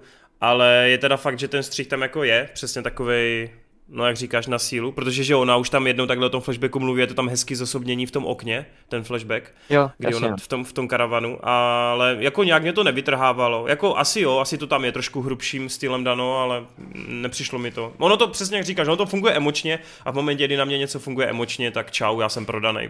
Jasně. Proto se Máš nedokoupil manka ještě. Přesně tak. Máš pravdě pravdu, že- máš právě pravdu, že jako ta scéna je trošku vytržená, akorát uh, pro něho byla strašně důležitá, protože vlastně v ten moment, uh, kdy ten film vrcholí, tak on chtěl právě, aby tam byl ten, ta postava, která řekne to téma jako na plnou pusu. Kdyby to náhodou někteří lidi nepochopili za celý film, o čem to je. A nemám problém s tím flashbackem, jenom jako s... Já vím, já to chápu, no. Já to chápu, no. Jenom možná asi, asi se mu nepovedlo prostě to tam nějak jinak zakomponovat, no. A to jako neřeším, to jenom... Mm. No. No, No Marta, kolik tam toho ještě máš? jako ještě celkem dost, jenom, uh, Právě. jenom se jsem chtěl říct prostě, že uh, je, já vím, že už jsme se o Harley Quinn hodně bavili tady, ale ona úplně na konci, ona úplně na konci, když, uh, když Idris Elba tam v podstatě řekne, co udělal s, s tou věcí, co oni získali, tak uh, ona po něm hodí pohled, kdy v podstatě ona říká, že on udělal něco špatného jenom proto, že se nerozhodl pro morální řešení. To mi chcete říct, že Harley Ale- Quinn, ta postava, jako když má, když má Teď ona je dvě- šílená, ona je šílená, ji nemáš vůbec brát vážně, ona je prostě A. magor. Prostě to nemá, ona co řekne, to, co vypustí z huby, nemá být pravda, nebo nemá to být nějaký morální kompas, tyjo. To, mo- Ale- to neupínej ale se na prostě- ní, Marťas, osvoboď se od on ní. tam, on tam bodec udělá doslova něco, co je sobecké, co je prostě pro dobro jich na úkor ostatních, což je přesně to, co západáci dělají, což je, myslím, jako já neznám do hloubky postavu Harlequin, ale vždycky jsem ji bral za, za člověka, který dělá jenom pro osobní prospěch, pro osobní pobavení, pro osobní, pro osobní, sobecká je. A ona, ona vytýká sobectví někomu jinému a říká mu, ty si měl udělat tu dobrou věc místo sobecké věci. Teďka si vytáhnu úplně vývoj charakteru Harley Quinn za poslední tři filmy, jo. Rozešel se s ní Joker, v Birds of Prey si našla tu rodinu, pochopila prostě tyhle ty mentální zásady a když si vezmeš, tak v tom, v tom Suicide Squad tak už dělá jenom to dobro, protože už prostě nechce být jako ten Joker a chce prostě být morální persona. Takže má Souhlasím. vlastně zhrození, Byl zlej, je to prostě z, zrození čistokrevné hrdinky, jo? přesně tak, přesně tak. Hele, Marťas, šup, dál, jedem. Poměřování, poměřování penisu, uh, samozřejmě metaforicky řečeno, Idris Elba versus Peacemaker bylo super, ne? Stejně jako čistka tábora, to bylo No, vidíš, zábavný. To, to jsem právě, S těma kulkama, jak se spojí, jakože na začátku Ano. tam mají ten dialog. Jo. ano, to jsou právě věci, co, co, co tady mám ještě poznamenané a co jsem vynechal. Uh, že ten útok na ten tábor byl úplně geniální, hlavně s tím uh, závěrečným zvratem. Uh, vůbec jako celé to, to rivalství mezi těma dvěma postavama fungovalo jako neskutečně. Líbil se mi i ta úloha, kterou tam hrál vlastně Killman, protože v té, v té knižce neměl vůbec co hrát, tam jako ta jeho postava byla absolutně nezajímavá. Přitom měl mi- víc screen timeu, to je ten paradox, že jo? A tady se mi právě líbila už jenom ta implikace toho, že v podstatě oni se ho chce, chtěli zbavit, protože věděli právě, že on je dobrý, že je moc dobrý a že kdyby měl jako na té misi vybrat, jestli udělá tu dobrou věc, anebo tu věc, která je patriotistická, jako je podle jejich plánu, podle jejich přání, takže on udělá tu dobrou věc, nehledě na jako okolnosti. A to byl důvod, proč se ho chtěli zbavit a to už jenom tady tenhle, ten, tahle ta jedna věc mi prostě dodávala a, takový ten potřebný základ té postavy, že jsem si ji najednou tady v tom filmu fakt užíval. A, a pak už jenom tady ty, ty vtipky, jakože ty payoffy s tou kulkou a tak, takže to už můžeme přeskočit. A, jako nakonec bych tomu dal asi jako mezi těma 75 a 80%, no. Furt jako jsem WTF, nerozhodný. když jsme se o tom bavili, tak ty vole to vypadalo, že dáš tak 60. No, protože, protože Tak, ti říkám, tak. protože tam prostě uh, v momentě, kdy jsem po pár dnech si uvědomil, kolik toho filmu bylo to dobré a jak málo tam bylo toho špatného, tak i přes tu hořkost, kterou mi to zanechalo jako v puse, tak nemůžu tomu dát jako málo procent, protože ten film si to fakt nezaslouží. Protože v těch momentech, ve kterých je skvělý, tak je fakt jako parádní. Dobře, tak já jsem na 80% s tím, že jelikož prostě v dnešní době vychází strašně moc těch superhrdinských blockbusterů, přímo třeba od toho Marvelu nebo DCčka a tady to prostě působí jako ten strašný kontrast, tak z toho důvodu ještě zvyšuju o 5%, aby to bylo na těch 5 hvězd a 85 je moje finální číslo. Já mám sice taky 85, ale jsem na 4 hvězdách. Jo. a Dis, kolik bys dal ty? 6 z 10. Já jsem to měl no tak nějak těch 7 až 8 z 10, takže dejme tomu asi těch 75. Co to je za hodnocení? Prostě. Takže všichni dáváme, ah, what the fuck. OK. No hele, já jenom... Lidé mají jdou do kina, protože... Ano, všichni běžte do kina, protože to nevydělává, ale ono to už se stejně nezachráníte v háji. Každopádně, já bych tady chtěl ještě zmínit nějaké věci, tady ne- nepadly jenom v rychlosti. Za prvý, jak tady zmínil Wade, tak eh, třeba to Pixies a tak dále, celkově soundtrack. Hrozně se mě líbil soundtrack, strašně dobře vložený. Bavilo mě, že oproti strážcům to není až tak právě jako hudebně poddimenzovaný, že se nesnaží prostě furt tam spát nějaký, jako, nějaký klasiky a tak dále. Ale líbilo se mně, že tady to bylo takový pro mě možná i jako vhodněji, všechno tak nějak poskládaný. A hrozně, hrozně jsem si užíval ty i jednotlivý přechody pomocí těch kapitol vizuálně odlišných, že jo, kdy z nějakých prostě větviček, krvavých jako nějakých fleků a tak dále, tak tvořil ty názvy kapitol. To mě přišlo tak jako komiksově ujetý, hrozně hezký, pěkný. Jasně, už jsme to někde viděli, ale bylo to prostě příjemný. Hrozně na mě zapůsobilo to finále, který celkově bylo perfektně podle mě jako zrežírovaný. Bavilo mě tou svou šíleností, bavilo mě tím, jak dokázal do toho házet tu epiku, kdy fakt ta scéna, kdy oni se začínají k tomu stárovi jako rozbíhat, jestli si to pamatujete. Tam začne hrát takový to kytarový solo, a, nebo myslím, že tam ještě něco do toho, nějaký, nějaký hudební nástroj. A oni, oni, to je ten moment, kdy se rozhodnou teda, jako, že půjdou zachránit to město, kdy ta Volerová je teda sejmuta a oni se prostě začnou rozbíhat a máš tam ten jeden táhlej záběr, kdy Idris Elba běží a přesně ty ostatní jako jeho kolegové běží jako vedle a ty jenom sleduješ po boku, jak ten stáro prostě jde a devastuje ty, ty domy. To byla strašně kulervoucí scéna. Úplně krásný build-up k tomu finále, kdy on potom se zastaví a začne skládat tu zbraň, ze které potom střílí. Hej, fakt, co jsem měl úplně husí kůži až na prdeli a úplně perfektně, perfektně zrežírovaný. Si James Gunn za... mimochodem natočil lepší film o kaiju než uh, Godzilla 2. Prostě. Yes, yes. A když jsme u té scény s tou Volerovou, tak já právě, když bych si neměl stěžovat jenom na tu Harley, tak upřímně, já měl velký, fakt velký problém s tím, co se tam potom stalo. Protože mně se líbilo, že pochopili, že ona je tam to zlo. Oni už sejmuli, praštili ju. Ale pak ta scéna to pro mě úplně zhodila. A to je ta scéna, kdy ona na ně čumí z té kanceláře, dá, má ten led na té hlavě, podívá se na ty svoje jakoby podpracovníky a jako jenom se na ně tak zle podívá a zase zpátky. Jakože já mám najednou pocit, jak Gun jakoby, kdyby prostě uhnul z nějakého toho jako důležitého bodu a všechno se zase prostě nějakým způsobem vrací jako do toho normálu a pokud ti lidi vidí, co ona dělá a bude to dělat dál i v budoucnosti, tak proč to bylo vyřešené takhle prostě? Proč jenom jako praštili a ona je za prvý nepotrestala nijak vážně, kromě toho, že budou hlídat Peacemakera. Jo, že tady mě to přišlo, že ta dohra byla úplně minimální prostě. Nevím, jak se to cítili vy, ale mě ten for na konci, jak ona na ně koukne, mě to jako dost zhodilo, celý ten build-up k tomu.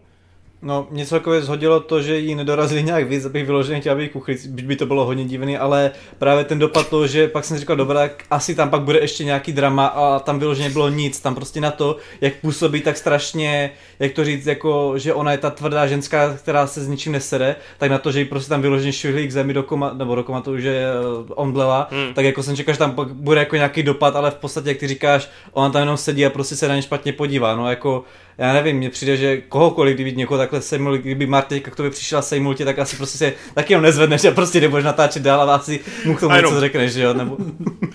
Zkusíme to. no, co, co vy dva kluci? No, abych tě sejmul klidně. Ne, to se neptám, bol. ale já mám, já mám menší pěsti než ty, má pěst by projela tvou pěstí. Tady nejsme v My Hero Academy.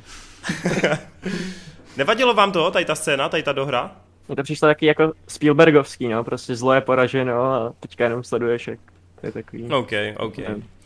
No a poslední věc. Eh, ten Peacemaker je samozřejmě jako dobře zahraný a tak dále, ale jelikož teda máme spoilerovou diskuzi, eh, jelikož teda víme, že on přežije a jelikož ta poslední scéna předtím, než nějakým způsobem, no byla tam ještě ta konfrontace s Elbow, s Bloodsportem, ale ta scéna, ta důležitá scéna, pro mě asi nejsilnější scéna, kdy teda sejme Rika, což jsem vůbec netušil, že mě to takhle jako dorazí emočně, tak ta scéna, kdy tam přesně řekne to uh, Peacemaker what a joke, tak si myslím, že tohle jsou přesně ty slova, nebo ten zárodek toho, z čeho bude vycházet celý ten seriál, ten Ganův, ten Peacemaker, kdy on si samozřejmě tyhle poslední Rickovy slova jako vezme k srdci a ten charakter se začne přetvářet. Protože já nevěřím tomu, že on tuhle postavu, která je sice dobře zahraná, je zajímavá charakterově, já nevěřím tomu, že ta postava by pro diváky v seriálové podobě fungovala, kdyby byla pouze taková. On je prostě příliš, příliš si jde za tím svým cílem, neholíží se na nic a já nevěřím tomu, že ta scéna s tím Rickem byla jen tak, aby ho jako zabil.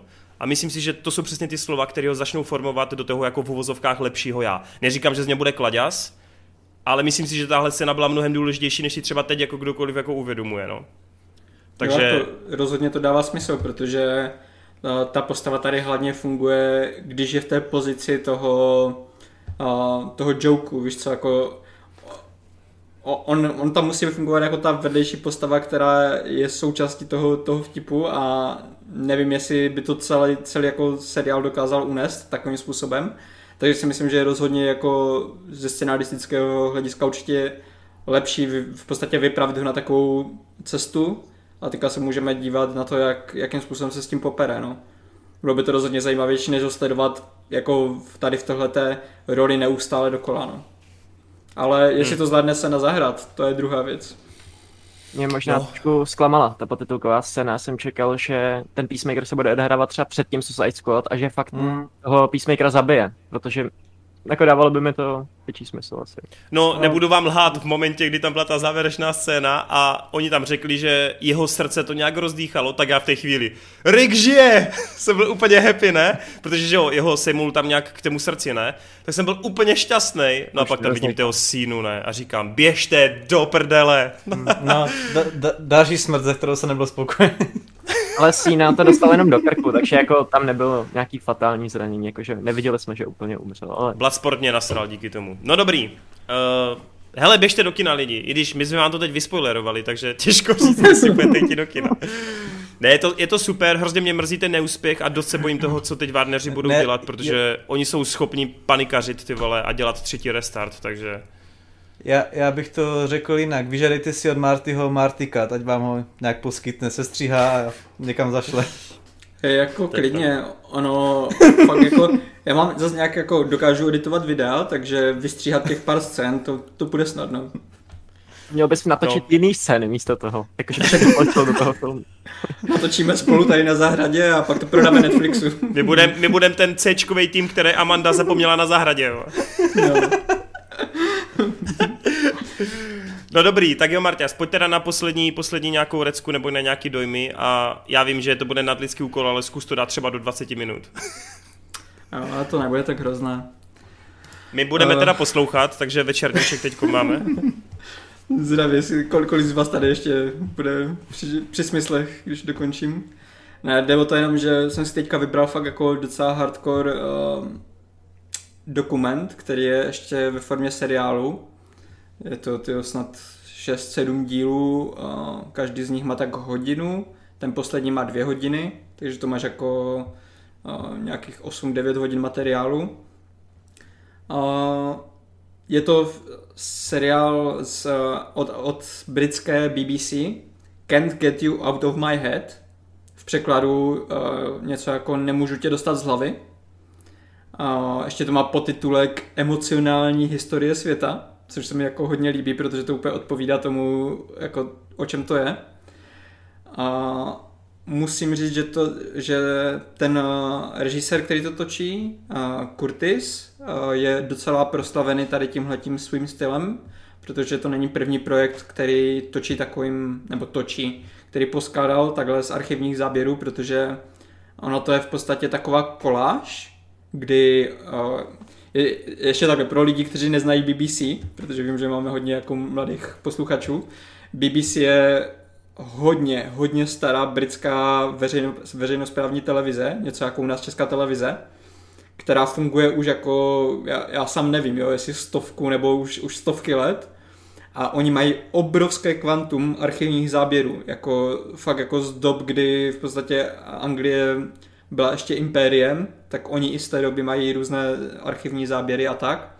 A tady tenhle ten dokumentarista se zaměřuje na to, že on probírá to nekonečné množství těch archivních záběrů a pak z toho skládá různé kolážovité dokumenty, kdy v podstatě on vám ukáže nějaké dobové archivní záběry a přesto většinou namluví nějaký voice-over, který uh, popisuje buď ty události, které vidíte na těch záběrech, nebo prostě nějakým způsobem tematicky se snaží zaobalit všechno, co nám ukazuje. Není to tak, jako že on by sám chodil a někam točil něco, on fakt jenom si vybírá z těch archivních záběrů a, a skládá takovou koláž. Uh, už dříve to udělal třeba v celovečerním filmu Hypernormalizace uh, z roku 2016, kdy vlastně to je poprvé, co jsem ho, co jsem Curtis nějak jako zaznamenal a zalíbil se mi, ale tam mi to ještě úplně nesedlo. Zatímco tady, když eh, je to na té ploše těch eh, jednotlivých dílů toho seriálu, tak jednak každý ten díl byl trošku kratší než ten dvouhodinový film, že měl třeba tu hodinu, takže to bylo i jako lépe stravitelné. A na druhou stranu tím, že má jako celkou tu stopáž daleko větší než u toho normálního filmu, tak si může pustit do daleko větších projektů. Že nemusí ukazovat jenom třeba v té hypernormalizaci v podstatě ukazuje tak nějak 2-3 roky, co se stalo ve světě a, a jakým způsobem to ovlivnilo lidi a tak. Zatímco tady, tady to v podstatě vzal hodně ze široka a ukazuje nám lidskou historii za, za posledních 100 let. Je to tak nějak od přelomu 19. století a, a, a 20. A jde o to, že a, on si tady v tomhle seriálu vybral hned několik různých míst, kde začíná ten svůj, to svoje pří, příběhové vyprávění a ukazuje nám, co se v roce 1900 nebo kolem toho roku 1900 dělo v Anglii, v Americe, v Rusku, v Číně a pak si ještě vybírá různé menší příběhy různě ze světa.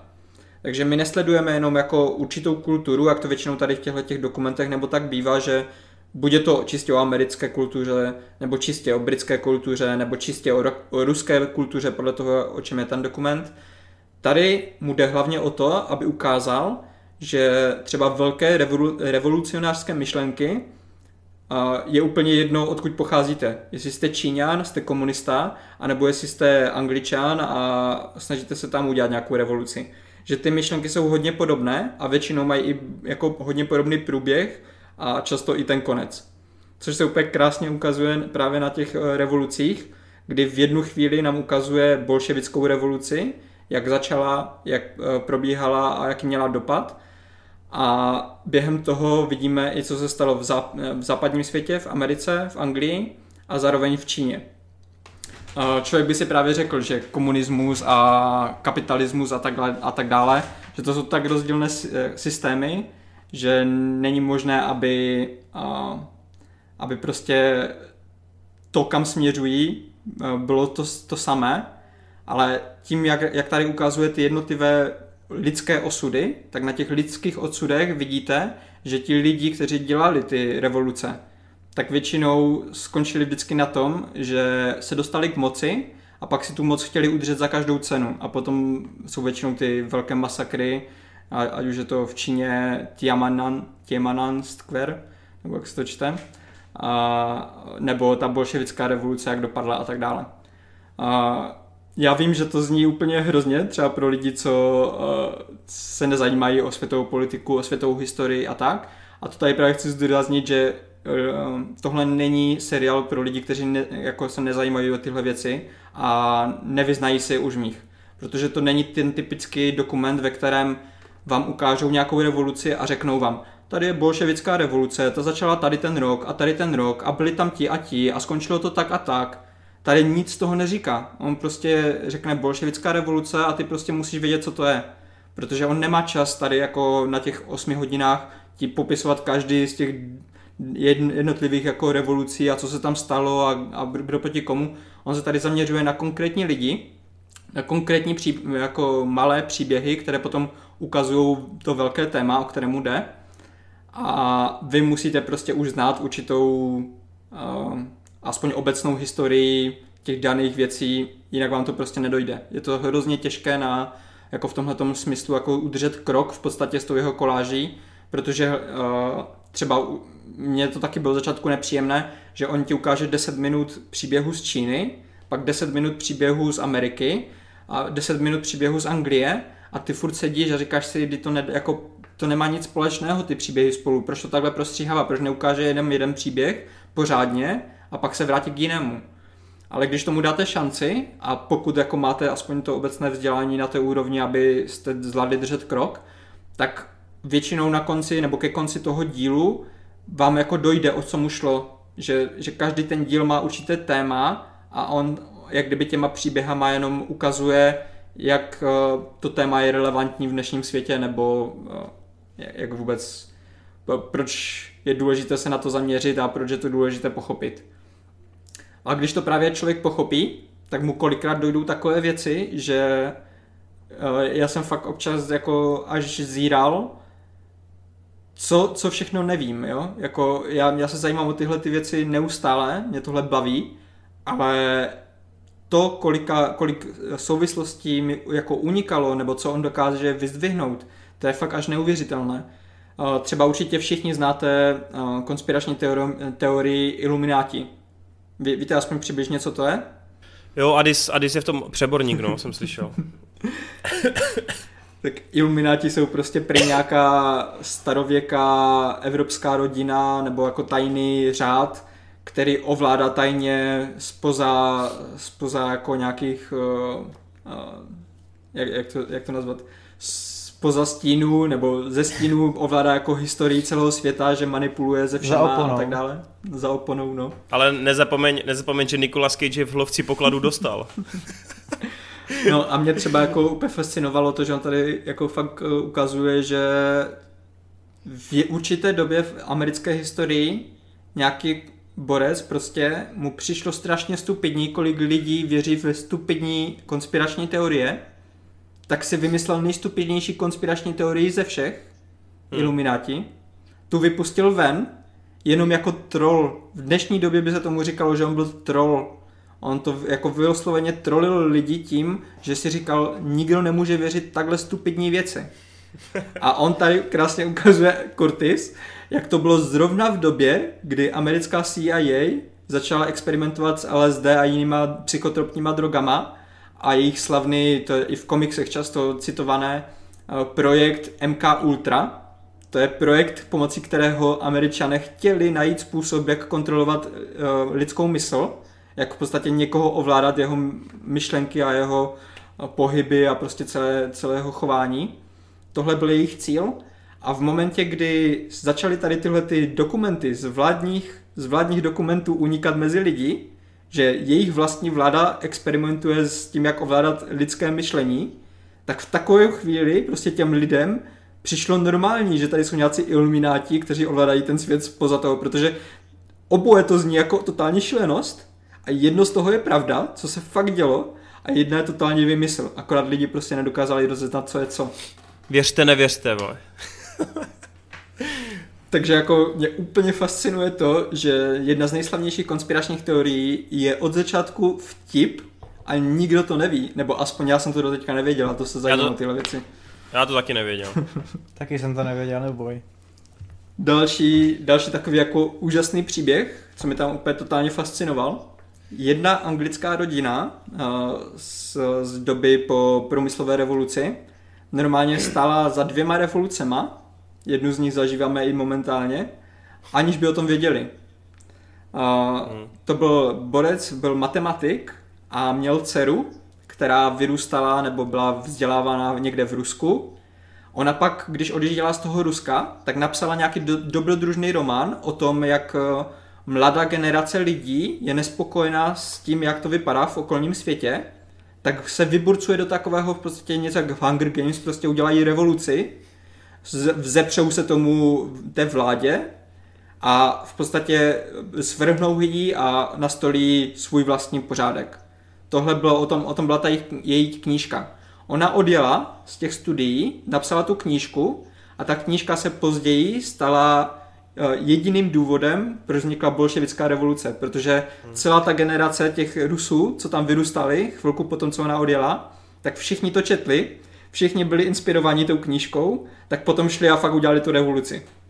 Hm. A tady tahle ta holka byla dcerou borce, který napsal uh, první algoritmus na světě. On napsal první matematické popsání toho, jak fungují dnešní počítače. Akorát v té době ten jeho algoritmus neměl žádné využití, protože neexistovaly žádné počítače. Takže až o několik desítek let později, když vznikly první počítače a hledali způsob, jak ty počítače naučit mluvit, tak vzali tu jeho, ten jeho algoritmus a začali používat jeho matematiku. Takže jedna jediná rodina stala za dvěma revolucema a vůbec o tom nevěděli. Ani jeden z nich. To je hustý, no. A tady těchto těch malých příběhů je ten, ten seriál absolutně prošpikovaný. Tam jako v jednu chvíli on do tebe sype jeden příběh a jenom skončí jeden příběh, tak hned jde na druhý a potom ještě je super to, že když se podíváš na ty příběhy trošku jako z, z pohledu celých těch jednotlivých dílů nebo celé to, celé to dokumentární té série, tak ono to má jedno velké téma, které se jako prolíná celým tady tímhletím dokumentem. Což To jsem jako se- To jsem, fascinující. se, to jsem se právě chtěl zeptat, jestli to je právě jenom takový, jestli to jsou střípky nebo nějaká mozaika příběhu, anebo jestli tam je nějaká jako nosná celá, co by to spojovala, že jo? Je to, je to obojí, no. Je to obojí. Ale právě jako většinou se ty um, jako nejvýraznější ty témata jsou v, jedno, v rámci jednotlivých dílů. Že třeba Jasně. to, o čem jsem vám já tady říkal, o těch revolucích a tak, to je hlavně první díl, kdy on se fakt jako soustředí na to, jak vypadají lidské, jako revoluce v lidské historii, proč vznikly, jak vznikly a jak skončily.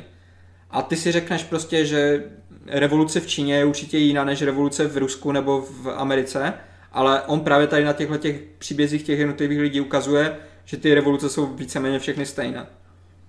Hm, hm. A, další díl je třeba o tom, jak eh, vlastně funguje lidská společnost. Že my jsme dříve, eh, vlastně třeba před těch stovkou let, v době komunismu, v době eh, tady těchto těch um, zemí, které byly jako hodně pobožné a tak, my jsme tam vždycky měli nějaký cíl, že třeba v době komunismu všichni pracovali pro, jednot, jako pro jednotu, pro dobro celé společnosti a měli takovou tu hrdost jako, jako celek a vždycky si byl jako součástí něčeho většího, že ti to dávalo Family. smysl. Ano. Akorát teďka právě ukazuje na tom, že v určitý bod, jako jsme se teďka dostali do doby, uh, age, on, to, řík- on tomu říká Age of Individualism, jako doba jednotlivce, kdy vlastně my teďka jsme vychováváni bez jakékoliv víry, my nemáme jako kdyby žádný vyšší smysl, by se to dalo nazvat, a právě ukazuje, jak se to projevuje na některých lidech, že oni potom neví, čemu mají věřit, a potom právě jako častěji věří tady těm třeba konspiračním teoriím nebo nechají se zlákat do nějakého kultu nebo tak, protože jim chybí něco, nějaký ten pocit, že prostě někam patří a, a že má smysl jejich život. Já se To se omlouvám, já, já jenom, já jak vidím toho vyvaleného Adise, tak se mi to všechno spojilo, sorry. Vždycky na něj podívám a začnu se smát. Ale mám otázku, je to něco, co bys třeba doporučil jako do dějepisu do škol, že to fakt mění Vůbec. na dějiny, anebo No way. pro ty ultras, jako.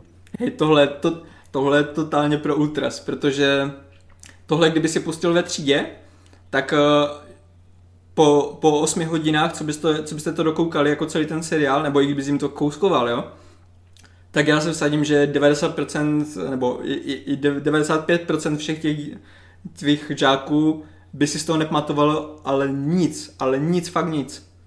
Protože ty právě potřebuješ, ty potřebuješ už znát jako ty, ty velké události, co se stalo, nebo jako jak vypadala lidská historie. A tady tohle je jenom takové to koření, že on ti ukáže jako, uh, pamatuješ si, jak ses učil tady o té, o, o té revoluci? No, jako učil ses to takhle, ale já ti ukážu, že to bylo trošku jinak.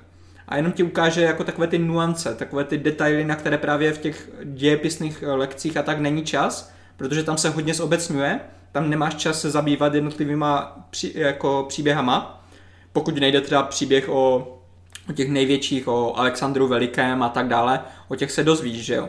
Ale on právě třeba na příkladu té Číny, tam je vlastně panovník Mao, který eh, vedl po Velké čínské revoluci ten lid, ale on se nezaměřuje na toho má, on se zaměřuje na jeho ženu, protože ta jeho žena byla méně v tom veřejném v, te, v, to, v těch veřejných dějinách je méně často jako zohledňovaná, i když ona hrála jako dů, hodně důležitou part, jako část v té revoluci. A to jsou právě tady tyhle ty věci, že on to neukáže tak, jak jsme se to učili, jak, jak, jak to znáš, ale ukáže ti to trošku z jiného pohledu a ty si jenom doplníš to vzdělání. Ty ho nemáš získávat to vzdělání tady, ty ho máš doplňovat. Tady ti má ukázat, že to bylo trošku jinak a ještě zajímavěji třeba. OK, Marťas, je to hmm. líbezné a krásné, ale máš dvě minuty na završení.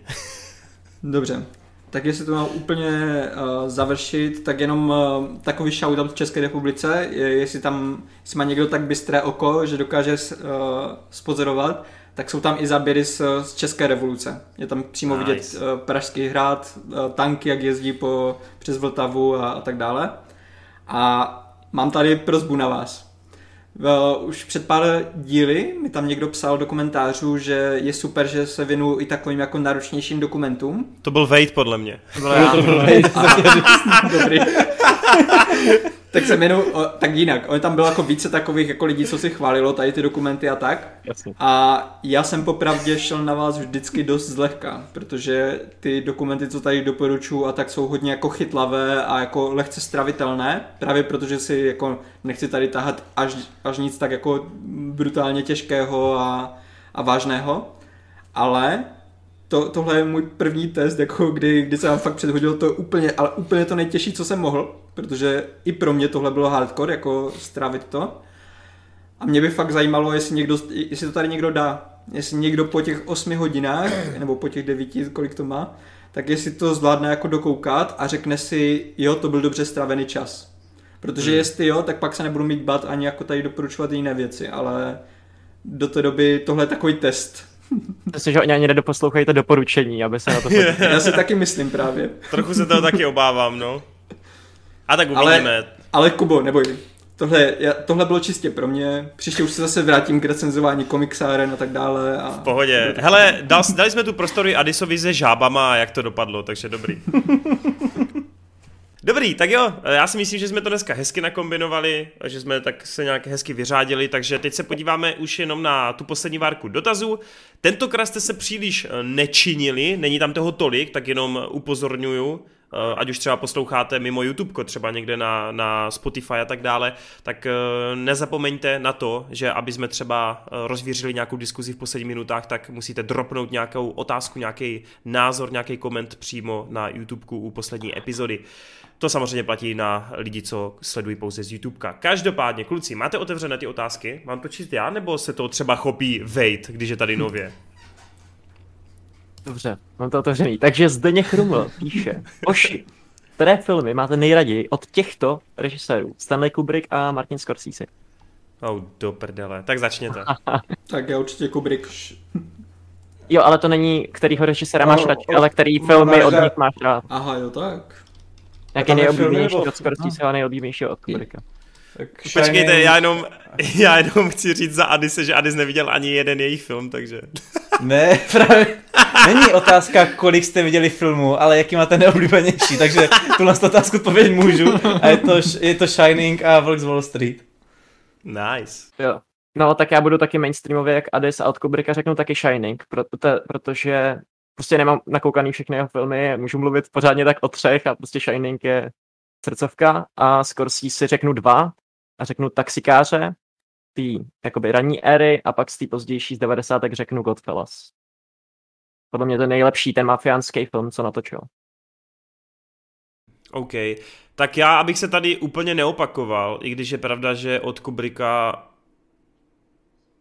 no, abych maximálně mohl říct, já můžu maximálně jakože balancovat mezi osvícením, Spartakem, Pomerančem a Odiseou, ale No jako z toho se mě asi taky nejvíc ale líbilo osvícení. A tak já dám třeba Spartakuse za Connery. Jinak budu mluvit za Roba. Na Netflixu je Ice White Shot, podívej se na to, je to geniální. ano, ano, ano. Já to tam mám, uh, podívám se. no a co se týče Scorseseho, tak já taky uh, asi nebudu jmenovat to, co jste tady říkali a místo toho, ať je to nějaký jako variabilní, tak já tam dropnu Já tam dropnu Prokletý ostrov třeba. Okay, tak mi to vyžral. Fakt, vyžral jsem ti to? Jo, tak já od Scorseseho určitě Prokletý ostrov. Já mám rád jako i třeba jeho taxikáře. Jako ten by byl asi hned za ním a až, až možná jako na třetím místě ten Vlog z Wall Street. Ale Prokletý ostrov prostě ten konec, tam je přesně to, co mám rád na těch filmech, víš co, kdy ten film skončí a ty si říkáš, uh, ty vole, tak jako byl nebo nebyl. No jasně. Mm. Tak a tohle se mi právě líbí, když jako nad tím musíš zapřemýšlet a třeba to nemá ani úplně jasnou interpretaci, protože do dneška se lidi hádají prostě o tom, jak to skončilo. To není jak počátek, že jo, Marťas? Ale já, já, třeba osobně, já třeba osobně si myslím, že jako já mám odpověď a jsem s ní spokojený, protože mi přijde, že ten film naznačuje, jako kde je ta pravda. Ne, jasně, jasně. A hlavně, a hlavně ta knížka, podle které to je, tak tam, tam je to jasně napsané a, a je to tak, jak to naznačuje ten film. Mimochodem, sorry, že do toho skáču, ale vyjde, neměl si v plánu si přečíst tu románovou předlohu tenkrát v Hollywoodu? Protože jo, tam se, tam se prej Máš tam to, je? Tam se linka ta... a je tam i Tarantínův táta právě, takže to musím... A, no tam se prej odhaluje, jestli skutečně ta postava Breda Pitta jako zabila nebo nezabila svou manželku na té lodi. Jo, já jsem viděl právě ten podcast s Joeem Roganem, teďka ten tři a půl hodinový mm. a Tarantino tam o tom mluvil úplně hrozně vášnivě, takže si teďka to, až to jo, jo. tady, tak... Tak až to, až to přečteš, tak mě dej vědět, jestli už zabil nebo ne, dík. Jasně. Jinak no já jsem a... ostrov neviděl, takže je to mm. prostě moje velká ta, ale je to podle Edgara Alana Poua, ne? Podle jako povídky. An, no, já jsem četl právě spíš tu... jenom koncept, ne? Nějak jako pře, převzaný. To ani nevím. Já myslím, že to je normálně jako zvlášť knížka. Jo, to, je, to je zvlášť knížka od Denise Lehana. Jo, aha, dobře. Já, já, jenom, já jenom jsem vím, že když jsem se jako pidil tenkrát potom, jak teda ten konec byl, jestli, jestli teda byl nebo nebyl, tak uh, oni právě jako mě, na, na té diskuzi psali, že v té knižce je to daleko jako přímě, přímočařeji řečeno. Jak to, jak to skončilo, jestli teda byl nebo nebyl. No ale okay. teda k tomu Kubrickovi. Uh, osvícení je u mě taky vysoko, ale já myslím, že jako topka pro mě uh, Olověná vestva, protože to byl, ah, myslím jo. si, dokonce i první film, co jsem, co jsem viděl od Kubricka. A já, ač nejsem na válečné filmy, jakože mě většinou moc nebaví, jako když nejsou s zajímavým tématem, tak právě tady je to brutálně zajímavé tím tématem a tím zpracováním, takže já si budu pamatovat vždycky od Kubricka hlavně tohle. Nice. To já bohužel neviděl, takže smůla. Mm-hmm. A když už jsme, já jsem si teda myslel, že, že budu méně kecat, ale vy, začali jsme otázkou od Zdeňka a on nám minule psal s tím uh, sedm. Jo, jo, jo. Já jsem na to nebyl připravený, popravdě na to nejsem připravený ani teď, ale, ale já už to dál nějak. Uh, ptal se tam, ať trošku zkusíme popsat, proč je ten film tak jako speciální nebo geniální, nebo prostě čím, je, čím to, že, že je tak super. Uh, chcete Jinak já nevím, sedm, já nevím nebo... jestli to, jo, sedm, řekl jsi to, ten název mm, filmu, dobrý, já jenom aby lidi věděli, jo. No tak ne, tak se toho chop, to bylo spíš na tebe, že jo? Super. uh, no, je to podobné trošku jak tady, jak jsme se bavili o ten attention to detail, jako ten uh, ta pozornost vůči tomu detailu, protože už jenom třeba ty úvodní titulky jsou úplně úžasné tím, že oni nám ukazují, jak se vlastně ten vrah celou dobu připravoval, jak si hmm. žiletkama odstraňuje otisky prstů, jak si je lepí tou páskou, jak si připravuje ty svoje deníky, jak se prostě připravuje na všechno na to, co přijde. Do toho je tam úplně taková ta uh, uši rvoucí, ty smyčce, úplně taková nepříjemná hudba, ze které by ti jako naskakovat husí kůže a tak. Takže už jenom prostě tou, tím úvodem do toho, jak prostě no, podává ten svět, že už i ty titulky jako tě vtáhnou do toho světa. Že to není prostě jenom tak se díváš na nějaký text a, a jdeme na film. Uh, celá ta atmosféra toho města, jak tam neustále prší, jak se snaží to město podávat co nejdepresivněji. A to nejde jenom o to, jako jak vypadá, ale i třeba tam jsou v některých scénách, uh, si tak vybavuju, uh, jde slyšet třeba rádio a oni se tam baví o případech, co se tam staly. A pořád slyšíte jenom, že tady někoho zabili, tam našli mrtvolu, tam někdo někoho zbil, že to prostě každou, každý moment kdy může ukázat charakter toho města, tak vám ukazuje, jak to město je nepříjemné, hnusné, plné prostě špatných lidí. A do toho tam přijíždí postava, která v podstatě je docela optimistická a má, má pořád pohled na, na ten život, jakože si ho užívá a má svoji rodinu, má svoji bublinu a v té si žije. A do toho je tam konflikt s tím eh, starým detektivem, který naopak už jako na konci své kariéry je strašně jako zhnusený tím, co všechno viděl za svoji kariéru, už, se, už jako se nemůže dočkat, až odejde do toho důchodu a bude to moct všechno hodit za hlavu. A od začátku on ten případ nechce. Ten Somers, ten uh, Morgan Freeman, on od začátku říká, že ten případ je na dlouho, že to je sériový vrah a že on už má jenom padnout do důchodu a že on prostě nechce tohle dělat. Že už prostě toho má až po krk. A jakmile máte takhle rozestavěné postavy, tak eh, se s nima dal zahrát úplně jako fakt nádherná šachová partie, protože máte krásně rozdělené jako ten konflikt toho prostě nováčka, který je plný toho entuziasmu a naopak toho starce, který prostě už jenom chce si dosloužit a odejít. A teďka je dáte do té, je po, postavíte do té situace, kdy jsou v podstatě v podstatě čelí ultimátnímu zlu jako tady v tomhle filmu ten vrah je takové ultimátní zlo, kterému se musí ty postavy postavit, aby mohly dál fungovat. A ten film si dokáže neuvěřitelně pohrát tady s těma charakteristikama. Je jedno krásné video na YouTube, kdy rozebírají, že v jedné scéně, kdy ty postavy spolu mluví, tak už jenom nad tím, že jedna postava stojí a jedna sedí, tak to vlastně ukazuje, kdo je dominantní v té scéně, že uh, Oni vlastně ani, ani se na sebe nepodívají, no. Jsem chtěl říct, že s touhle technikou přišel Hitchcock jako první mm-hmm. a mhm. můžeme ho vidět uh, ve Vertigu, myslím, že to je. Takže... A, a to jsou právě to, že uh, Fincher, on si je hodně vědom tady těchto těch, uh, jak fungují filmy, jak je má vystavět, aby i lidi, kteří neznají to, jak fungují filmy, tak to dokážou vnímat. Ty prostě jim nemusíš vysvětlovat, že ta postava stojí, protože ukazuje dominanci tady v té scéně a že tady tahle ta sedí, protože on je v té scéně eh, člověk, který má nejméně té síly, že nemůže jak kdyby rozhodovat, co se stane v té scéně. To nemusíš vysvětlovat těm lidem, když jim to ukážeš a dobře jim to podáš. A ten film je celý, jako tam během té stopáže nedokážete najít jedinou jako chybně vykonstruovanou scénu, kde by tady tohle to nefungovalo protože on má promyšlené od začátku do konce úplně všechno. Od té atmosféry, jak se mají postavy chovat, jak mají spolu interagovat, až po akci, která tady sice není moc, ale i ta samotná akce vlastně posouvá příběh dopředu. Protože v momentě, kdy třeba uh, ten uh, je tam na schodech uh, fotograf, který si fotí ty, ty dva detektivy, kteří dělají na tom případu, tak potom chy, jako chytrému a uh, bystrému divákovi může dojít, že ten fotograf byl vlastně ten vrah a on už si tenkrát našel, kdo pracuje, jak, jaký detektivové pracují na jeho případu, začal se zajímat o ně a v, v momentě, kdy zjistil, jaký život vede ten mladší uh, policajt, tak mu začal závidět a začal plánovat svůj finální plán na svůj poslední oběť. A v momentě, kdy třeba je ta akční sekvence, kdy ten vrah nezabije Breda Pitta, kdy je tam v tom dešti a přímo mu drží tu pistol u hlavy, tak tam jde úplně krásně vidět, že on bojuje s tím, on by ho chtěl zabít. Ale na druhou stranu on si právě uvědomuje to, že on mu závidí, že on v podstatě ho potřebuje pro ten svůj plán a i ta akce potom jako zapadá krásně do toho vývoje všech těch postav, které se účastní té scény. Hmm.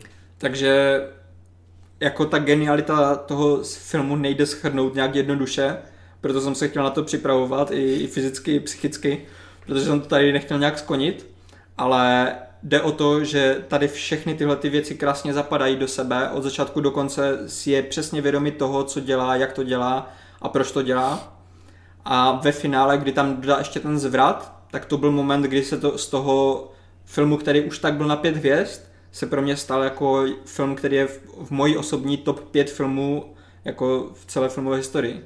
Protože uh, já miluju, když film dokáže být celou dobu takhle konzistentní a ještě nám na konci ukázat, hele, ty jsi to myslel celou dobu, že třeba to nějak skončí, ale já ti ukážu, že, že jsi vůbec neměl pravdu a že jsi úplně mýlil a skončí to úplně jinak.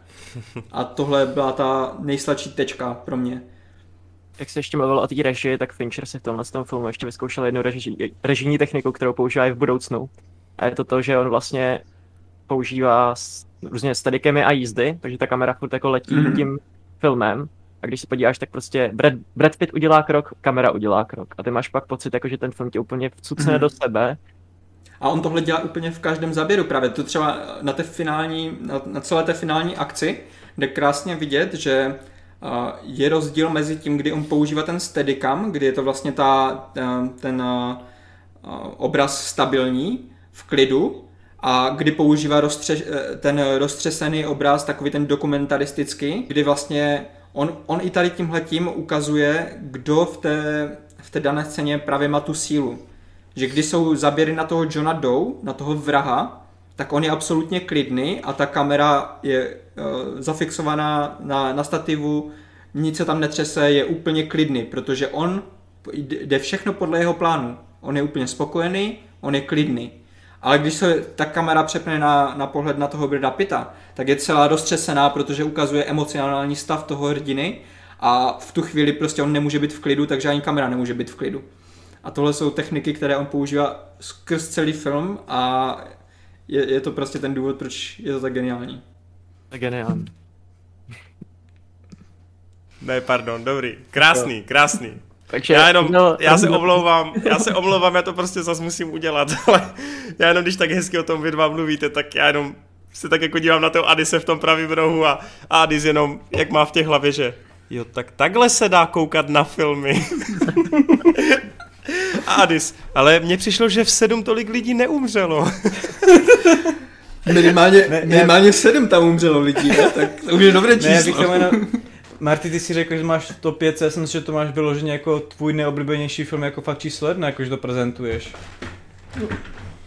Hej, to nejde úplně říct, jakože co, co je úplně to bědna, protože každý film z mojí top pětky ve mě, na mě zapůsobil trošku nějakým jiným způsobem, víš co, ale hmm. právě takové to, když lidi právě hodnotí ty topky a dělají a, a mají vždycky to první místo, tak podle mě je to hodně nereprezentativní, protože můžeš mít dva filmy, které tě odpalily úplně stejně, ale každý z jiného důvodu, víš co? Ano. Takže je zbytečné já, jako poměřovat, chápu, který je víš.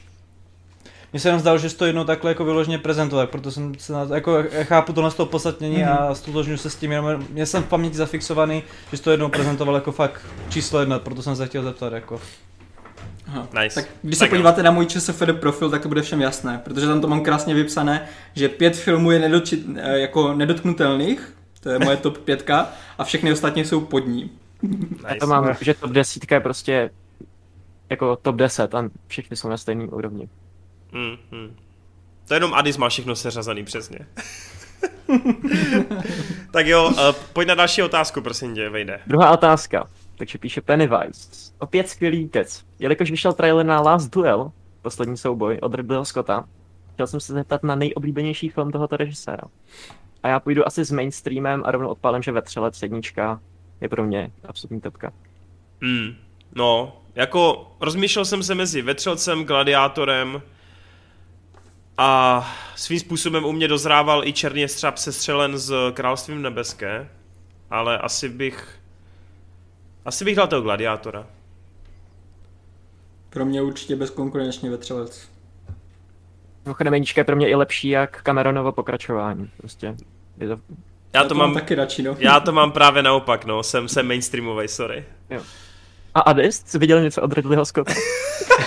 já mám, nemám nutkání říct něco, co ještě nevyšlo, takže takhle to nemůžu říct, že jo. Last Ale dám, ne, House of Gucci, na to se strašně těším.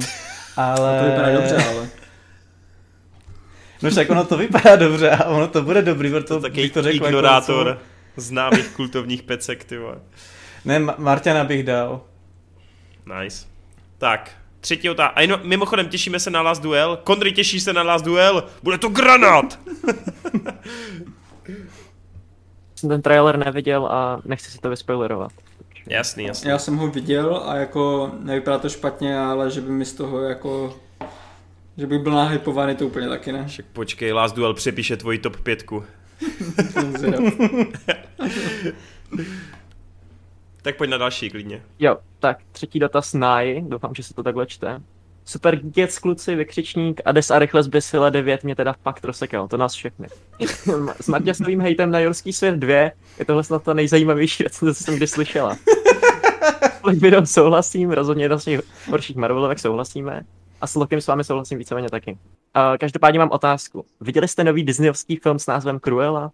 Pokud ano, co na to říkáte? Za mě neskutečně povedený film, je neškoda, že jak pořádně nevyužili toho, že tam vystupuje záporačka ze 101 Dalmatínů. Jinak postavy, hudba, kostýmy, kamera i samotný děj jsou za mě vážně zajímavé. Vůbec bych se nedivil tomu, kdyby na příštích Oscarech bodovalo v kostýmech právě tohle, no, protože... To bude pořád lepší kostýmy než Black Panther. Takže... No, stopro. Uh, tam ani nebyly kostýmy, to bylo digi. no. Ne, byli tam, byli tam. No hele, Cruella, Cruella mě překvapila. Já jsem eh, velice, velice často, ještě předtím, než ten film šel do kina, tak jsem jako měl takový ten negativní bas kolem toho, že jsem fakt jako vytvářel takovou tu vlnu, že mi to přijde hrozně zbytečný, že chápal jsem jako ten smysl, proč to má vznikat, ale úplně jsem nerozuměl tomu, proč by mě to mělo zajímat. Nakonec jsme na ten film tehdy šli do kina a pamatuju si, že vlastně, když to skončilo, tak jsem byl dost spokojený a třeba za mě to bylo mnohem lepší než ta druhá zloba. Na druhou stranu nejedná se o žádnou velkou pecku. Je fakt, že to hodně táhne logicky, protože je to taková one man show, ta Emma Stone, která je prostě v té roli fakt jako, no prostě jí to sedí, eh, padlo jí to hrozně. Takový ty uh, internetový žvásty ohledně toho, že se tu Disney pokusilo o PG-13 verzi Jokera, tak ty vůbec neberu, to mě přijde úplně cestný, protože dobrý, ty postavy mají možná něco společného, ale vůbec bych v tom neviděl jako něco společného. A až třeba na takové ty věci typu, je to až moc pohádkový, což logicky ale není argument, protože je to pohádka, nebo takový to, že na začátku ty Dalmatini jsou fakt odporně digitální, odporně digitální, tak eh, až na takový prostě flopy jsem tam, tak je to úplně v pohodě rodinný film, který mu vlastně úplně nic nezazlívám. Je pravdou, že jsem čekal, že bude asi víc jako záporná role, ale ona je spíš taková, že se jí staly zlý věci, které nějakým určitým způsobem posunuli do té, do té jako zlé pozice. Ale ona ani vlastně není až tak zlá, no. Takže v pohodě, dobrý, ale třeba to, jak se mluví o tom pokračování, tak to absolutně nepobírám, proč by vůbec mělo, no. Je lepší Cruella nebo Harley Quinn? Cruella. Jakože ten film nebo postavy? Postavy, postavy. Ale to je tím, že jsou Harley přežranej. Jo. Harley víc psychopat, já mám rád, že je holka psychopat, takže Harley Quinn. Ne, já k tomu jenom dodám, jakože jasně z toho filmu jako celkem obavy a upřímně jsem na to ani nechtěl pořádně nic, spíš na to prostě šel tak, že se otevřeli kina, že jsem chodil na všechno možné a byl jsem z toho velice uh, milé překvapen. A jo, jak řekl Kuba, jako není to něco úplně strašně skvělého, ale tím, jak jsem byl, jak jsem vlastně nic neočekával a jak je to prostě nadprůměrný, tak jako jsem z toho měl jako dobrý pocit, když jsem se na to díval, pak jsem na to šel znovu s kámošem, který se mě na to zeptal, jestli na to nepůjdeme a v klidu jsem šel. Ty digitální triky tam byly takový, ať už ty dalmatini nebo nějaký tam ty skoky z toho útesu byly takový jakože až moc do očí bíjící, ale mimo to jako hezky udělaný film, který jsem si užil, no. Jako řekl bych, že ty prachy v tom jdou fakt vidět, no. Ono to jako nestálo zas tak moc, ale fakt právě ty kostýmy, ty lokace, to jak je to jako do detailu jako vypiplaný, to se musí nechat, že to je jako fakt, fakt parádička, no. Vy jste to trošku viděli, mi to přišlo jak tak, jo. Trošku mi to přišlo jak taková Disney verze Ďábel nosí prádu. Co říkám? No, to je, to je vlastně pravda, no, že, že by to k tomu mohlo, no. Uh, ty jsi to taky neviděl, Marťas, jo? Já jsem neviděl, no. Ok, ok, tak jo, tak můžeme dál.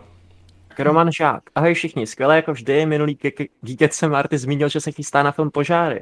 Tak se chci zeptat na jeho názor a dojmy, pokud ho už viděl. Já film viděl tak čtyři roky dozadu, abych si doplnil všechny Vilmerovky, snímky. OK. Pohodě. A musím se přiznat, že jeho dosavadních filmů si nejvýrazněji, že jsem se ho nejvíc, vyril do paměti nejvíc prostě. Mm-hmm. Na scénu s křičkem a autobusem nebo závěr 1 plus 1 rovná se 1, nikdy nezapomenu. Jinak menší odbočka, Mark Strong to s Kajem Richem už zkusil ve filmovém Sherlockovi. Jo, to je pravda. Psalo to tam víc lidí, omlouvám se, pravda, pravda. Ale měl by to zkusit teď, když je Guy Ritchie v takové formě. no, já už jsem požády teda viděl. A je to fakt skvělé. Jako fakt... Uh, zařaď parádně... to, zařaď to do Vilnéfových filmů, pojď. Je to no, lepší jako... než Duna. pro mě, pro mě pořád vedou jako uh, osobně příchozí, jsou úplně jako top. Uh, Blade Runner hned za nima ale přeskočilo to Sicario. Hezky. Jako, no, on zase nemá moc těch filmů, takže to nejde úplně řadit do nekonečna. Ale Sicario se mi hodně líbilo, ale požády teďka budu řadit před něj, no. Protože uh, ač nejsem úplně jako mega fanoušek nějakých jako, jako surových dramat, tak uh, tady se mi strašně líbí, jak dávkuje informace divákovi. To je úplně geniální. A právě třeba ta scéna 1 plus 1, nebo i ta scéna vlastně, kdy oni poprvé zjistí, uh, co se stalo v tom vězení, tak uh, to jsou scény, kdy je úplně geniálně napsané, že on vám dá všechny informace jako divákovi o, o minutku, o dvě dřív, než těm postavám. A vy pak máte tu, jako tu skvělou šanci, ty dvě minuty, pokud jste to pochopili, tak prostě ty dvě minuty tam sedíte, víte, že ta scéna nějakým směrem jako směřuje, protože vy znáte ty, ty okolnosti, ale ty postavy to ještě neví. Takže vy tam sedíte a říkáte si, a teďka jim to dojde. A teďka se to stane a teďka na to čekáte a to je úplně parádní. Jako tady tohleto Mm, mm. očekávání toho, co se stane, neskutečně skvěle. Uh, je to vlastně příběh uh, pro, třeba pro většinu lidí, co, co to neznají, tak je to teda příběh o rodině, kdy matka umře, zanechá závěť svým uh, dvojčatům a nechá jim dva dopisy. Jeden dopis je pro otce, jeden dopis je pro jejich bratra, o kterém do teďka nevěděli, že ho mají. A oni mají v podstatě za úkol najít ty dvě osoby a předat jim ty dopisy. A ty v podstatě sleduješ eh, v průběhu filmu vždycky flashbacky, co se stalo té matce během jejího života a na, na druhé straně sleduješ cestu těch dvou dětí, jak oni vlastně zjišťují teprve, co ona za život vedla, protože oni to nikdy nevěděli. Uh, jestli tady mám něco vytknout, tak občas to bylo trošku moc na náhodu, jakože některé věci se tam staly hodně na náhodu. A jako můžete říct, život kolikrát prostě vytvoří i daleko jako méně pravděpodobné náhody, ale taky se to stane. A jako jo, z tohohle pohledu se to dá brát, ale prostě občas to bylo až moc filmové, ale jenom trošku, jako jinak ten dopad, to proč to buduje takovým způsobem, proč tam musí být ty náhody, tak eh, je fakt skvělé, že už v podstatě, já nevím, to je jeho třetí film, nebo tak nějak, jeden, jeden z těch jeho prvních filmů. A už tady jde vidět úplně to jasné režijní vedení, kdy on od začátku ví přesně, jak to chce natočit, jaký to má mít pacing, jako, uh, jaké to má být tempo, no a prostě nikdy jako nepoleví, není to tak, jako že by se mu to rozpadalo nebo tak, on, když ten film má být pomalejší, tak je pomalejší, když tam nějaká, má tam být nějaká akční scéna, aby to mělo dopad, tak se toho nebojí. A tady tohle je právě věc uh, spolu teda s tím, že už tady se ukazuje jeho fascinace arabskou kulturou, tak fakt, jak někteří lidi psali na netu, tak se s tím teďka stotožňuju, že ty jeho filmy, když se na to podíváte, tak to fakt, to, to se fakt čte jak kdyby příprava na tu Dunu. Protože on si buduje... Um, Ty vole, nehypej mě. a, ne, on fakt jako tady v tomhle filmu vidíš, že práce s postavama, práce s osobním de, jako nějakým dramatem, s rodinou a tak dále, že mu to tak jde jako fakt na výtečnou. Pak eh, vidíte v Blade Runnerovi a v příchozích, že zvládne větší rozpočty, že zvládne větší herecké hvězdy a tak dále. A všechno tady tohle se fakt může promítnout do té Duny takovým neskutečným způsobem, že prostě Duna hype, no. To na hype. No. Každopádně doporučuji požády. Kdo má rád jako surové dramata s takovou trošku no, tematikou terorismu a, a takového jako násilí na Blízkém východě, doporučuji. Jako Hele. rozhodně jedno z nejlepších dramat v tomhle. Hele, já mám dotaz, hádám, že spíš na Vejda a na, na Martyho. Vy jste viděli toho nepřítele s tím Jakem od něj? Ne, Ono, ono, já jsem totiž slyšel, že to jako myslím, není ano. úplně stravitelný film pro jako lidi, co se bojí pavouků. Tak jsem právě se chtěl zeptat, jestli to fakt to jako tak děsivý. Protože tam údajně jako jsou nějaká reprezentace něčeho je právě v podobě nějakých větších pavouků, i když to jako nejsou reální pavouci, takže takže Hmm. se jenom mě to docela zajímalo. A máte v plánu, nebo Marta, máš v plánu i ty, ty předchozí filmy, jo? Tu... Jo, však to je právě, jako ty požáry jsou součástí toho, že jak stejně jak eh, Roman, že si prostě dojíždím tu jeho kinematografii Jo. a doplňuju to postupně, takže časem určitě. OK, OK, vlastně nice. na něj začal koukat nedávno s tím, že jedu od nejnovějšího filmu po nejstarší, což obvykle nedělám. A je fakt hustý, že to nedown, nedowngradeuje ty filmy, že Mhm. prostě Hmm, Fakt. hmm. všechno je super. Ale, ale teda, kdybych si měl vybrat, já jsem teda viděl jenom čtyři věci od něj, tři věci, tři, tři věci od něj, tak ty, ty příchozí jsou prostě strašný strop, no. To je, Výchozí jsou strop, ale Blade Runner jsem fakt nečekal, že jako u mě zvládne překonat Ridleyho Scottovu jako ten originál. jasně, jasně. No, tam je možná trošku problém, že mě původní Blade Runner tolik, tolik nesednul, no, takže... Mně přijde i ta filozofie toho druhého dílu mnohem líp stravitelná pro mainstreamového diváka Jo. než v tom prvním díle. A tohle, tohle úplně miluju na, to, na, na jeho stylu, prostě, že, že on jak kdyby, on je schopen si fakt sednout, pochopit ten originál, o čem to je a roz, pokračovat v té myšlence. Ne, nepřepisovat to, nedělat to prostě jako nic nového nebo tak, prostě pokračovat v přirozené evoluci té myšlenky a ukázat nám něco nového se stejným tématem, prostě, to je úplně úžasné. Rimsey je prostě dobrý režisér, no, co k tomu říct. Tak. Uh, poslední otázka. Nate Wright, takže geniální komentář, děkuji, že si ho napsal a píše, představte si, že je daný člen Geeketsu vaše přítelkyně. Ve vztahu si řeknete, že každý z vás musí tomu druhému pustit film, který baví vás, ale nenutně váš protějšek a on se na ně musí podívat. Protějšek vám na oplátku může pustit film, na který se musíte podívat vy jako ten druhý. Příklad jsem dal skity, že ty máš tu dohodu, že se musíš podívat jednou za rok na vánoční filmy český, takže Jak, Jo, jak ty jo. si dal? Wade dal. jasně. No, Omlouvám ok, to je, zaj- to je zajímavé, to je zajímavé. Jako, já jsem to četl teda už dopředu, právě s Já Adisem mám jsme... už odpověď, tak můžu klidně začít. Klidně, pojď, ty jsi to připravoval. Připravil jsem se na otázky a já bych si vybral Torena jako svého přítele, přítelkyně. O, A doporučil bych ti zpívání v dešti, protože jsem se dozvěděl na svazu, že jsi to neviděl. A je to starší film, ale myslím si, že je srovnatelný s filmem dnešní doby a klidně bych ho srovnal s La La Landem, co se týče nějaký choreografie, barev, mhm. jak Marty říkal u Finchera, že tam máš nějaký to, jak ta postava je nad někým a tak, tak té choreografii tady taneční se s tím pracuje Hmm. a je to prostě super, nejlepší muzikál. Nice. Nice, nice. OK, OK, dám na tvá slova a podívám se na to. Má přítelkyně. No, mě Já si myslím, že to právě kdybych- musíme, já si myslím, že se budeme jako párovat všichni. Dobře, tak vždycky jenom jeden, OK. No, mě něco říká, že asi kdybych byl ve vztahu s Connerym a pustil si s ním rychle zbysil, tak ten vztah docela rychle skončí. For, for family by to zvládl. ne? No to právě nevím, no, takže... A jako mám, jak to mám teda brát, jako že si mám vybrat kohokoliv tady z Geeketsu, nebo pů- půjdeme teda každý jakože s někým? Vyber si někoho z Geeketsu a doporuč mu film, na který se musí podívat. Takhle bych to zkrátil. Hmm. Mm, já přemýšlím, koho si vybrat. Já bych, já, bych úplně, já bych úplně vám všem doporučil, abyste se i po pátý podívali na Batman v Superman a konečně to doceníte. Vole. Já už nikdy, po Army of Dead prostě jsem Snydera úplně v pohodě. Do toho dospějete, nebojte. Jo, já si myslím, že my nejsme vyspělí na to, aby se pochopili právě. Uh, tak Marta, si dokud Adis ještě nemá no. No. namyšleno. Já kdybych si vybral Alice, tak to jako tam by se dalo pouštět jako nekonečně mnoho filmů, takže to jako nemá moc smysl ta otázka.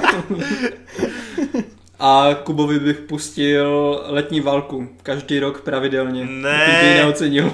Teď víš, že to nemáme rád. No však, však on, ta otázka je přímo tak, že, že právě něco, co nemáš rád, a kdybys to měl každý rok pravidelně, tak bys to třeba docenil jednou. Tak to bych mohl teda vlastně i nechat tu možnost s tím Connerym a rychle zbysil třeba první tři díly, že bych Ano, každý rok si to. pustil jeden z těch tří filmů Tak a pro tak dlouho by to bylo. Hele, a já, jelikož jsem vlastně ve vztahu strašně hodnej, tak já bych Adisovi, jako, já bych Adise nutil, aby jsme se každý, každý, každý Vánoce dívali spolu na, takovou, na takový kombo, že Spider-Verse, High School Musical a Fast and Furious. Já bych byl normálně tak hodný partner. Jakože všechny díly. Úplně na všechno bych se s tebou podíval, kdybych byl ve vztahu a miloval tě. I High School Musical spin-offy, tyjo, tak ty jsi hodně odvážný. Hele, a jelikož mám to Disney+, Plus, tak bychom mohli na všechno se podívat. Nemluv dál, nebo se zamiluje. Chudák. Tak jo, no tak krásný, tak jsme na dvou hodinách. Pokud se nepletu, je to všechno, tak uh, já si myslím, že jsme to zvládli se ctí a v pohodě. Jsem rád, že to je o hodinu kratší než minule, to je velice pozitivní. Děkuju samozřejmě tady eh, klukům, že se toho tak eh, chopili, že tady povídali. Myslím si, že i Wade, že se oproti Adisovi tady, že se krásně, krásně tady začlenil. Tak eh, určitě napište i vy, jak, jak se vám tady líbil nový člen a kdy máme konečně vyhodit Adise. No a A nezapomeňte na, toho, na tu Martyho otázku ohledně dokumentu, ať taky ví, ať má nějaký feedback ohledně toho, jestli je to stravitelný. A pokud se až teď dozvídáte o tom, že tu Marty měl nějaký dokument, tak se zpětně vraťte na tu časovou značku a poslechněte si to. No a určitě choďte do kina, choďte do kina, vím, že to teď v dnešní době těžké, vím, že třeba tam jsou nějaké omezení typu respirátor a td., ale podpořte to, podpořte ty kina, podpořte tvůrce, jako je to prostě naše společná zábava, za zábavu se občas prostě musí platit, i když se vám to nelíbí. A je to prostě potřeba. Tenhle biznis přece chceme, aby fungoval dál, tak neseďte jenom doma, ale seďte v kině. a případně pokud máte, pokud máte čas a penízky, tak určitě doporučujeme nějaký streamovací služby, je tam toho fakt kotel a nikdo si v dnešní době nemůže stěžovat na to, že nemá co sledovat, to je největší blbá výmluva. Budeme moc rádi, když napíšete nějaký komentáře a nějaké otázky do příště. Doufáme, že se líbilo. Eh, pro posluchače Spotify jenom připomínám, že taky eh, musíte když tak na YouTube a napsat něco. A to bude všechno. Ještě Máte Google něco... Ano? Ještě krom Spotify je to i na Google Podcast, jak jsem zjistil. Wow. Takže to tam je. No, na Google Podcastech, no ne, ne na Apple Podcastech, tam to nemáš, ale na Google Podcastech to máš. Jo, aha, takže čím víc podcastů, tím víc Adidas, říkáš, jo? Dobře. Adis. tím víc Adis, přesně. Ale nevím, no Adis. Jako v dnešním Geeketsu nikdo z členů neumřel. Jak, jak bys ohodnotil tenhle díl? Tož jakože mohlo to být delší, ale tak dvě hodiny asi umřít. Ach jo, no dobrý, tak jo kluci, budu se těšit zase za nějakých cca 14 dnů a eh, já se budu snažit to nějak zeditovat co nejdřív. Tak jo, díky moc kluci, mějte se hezky a loučíme se s vámi. Čau čau. Čau.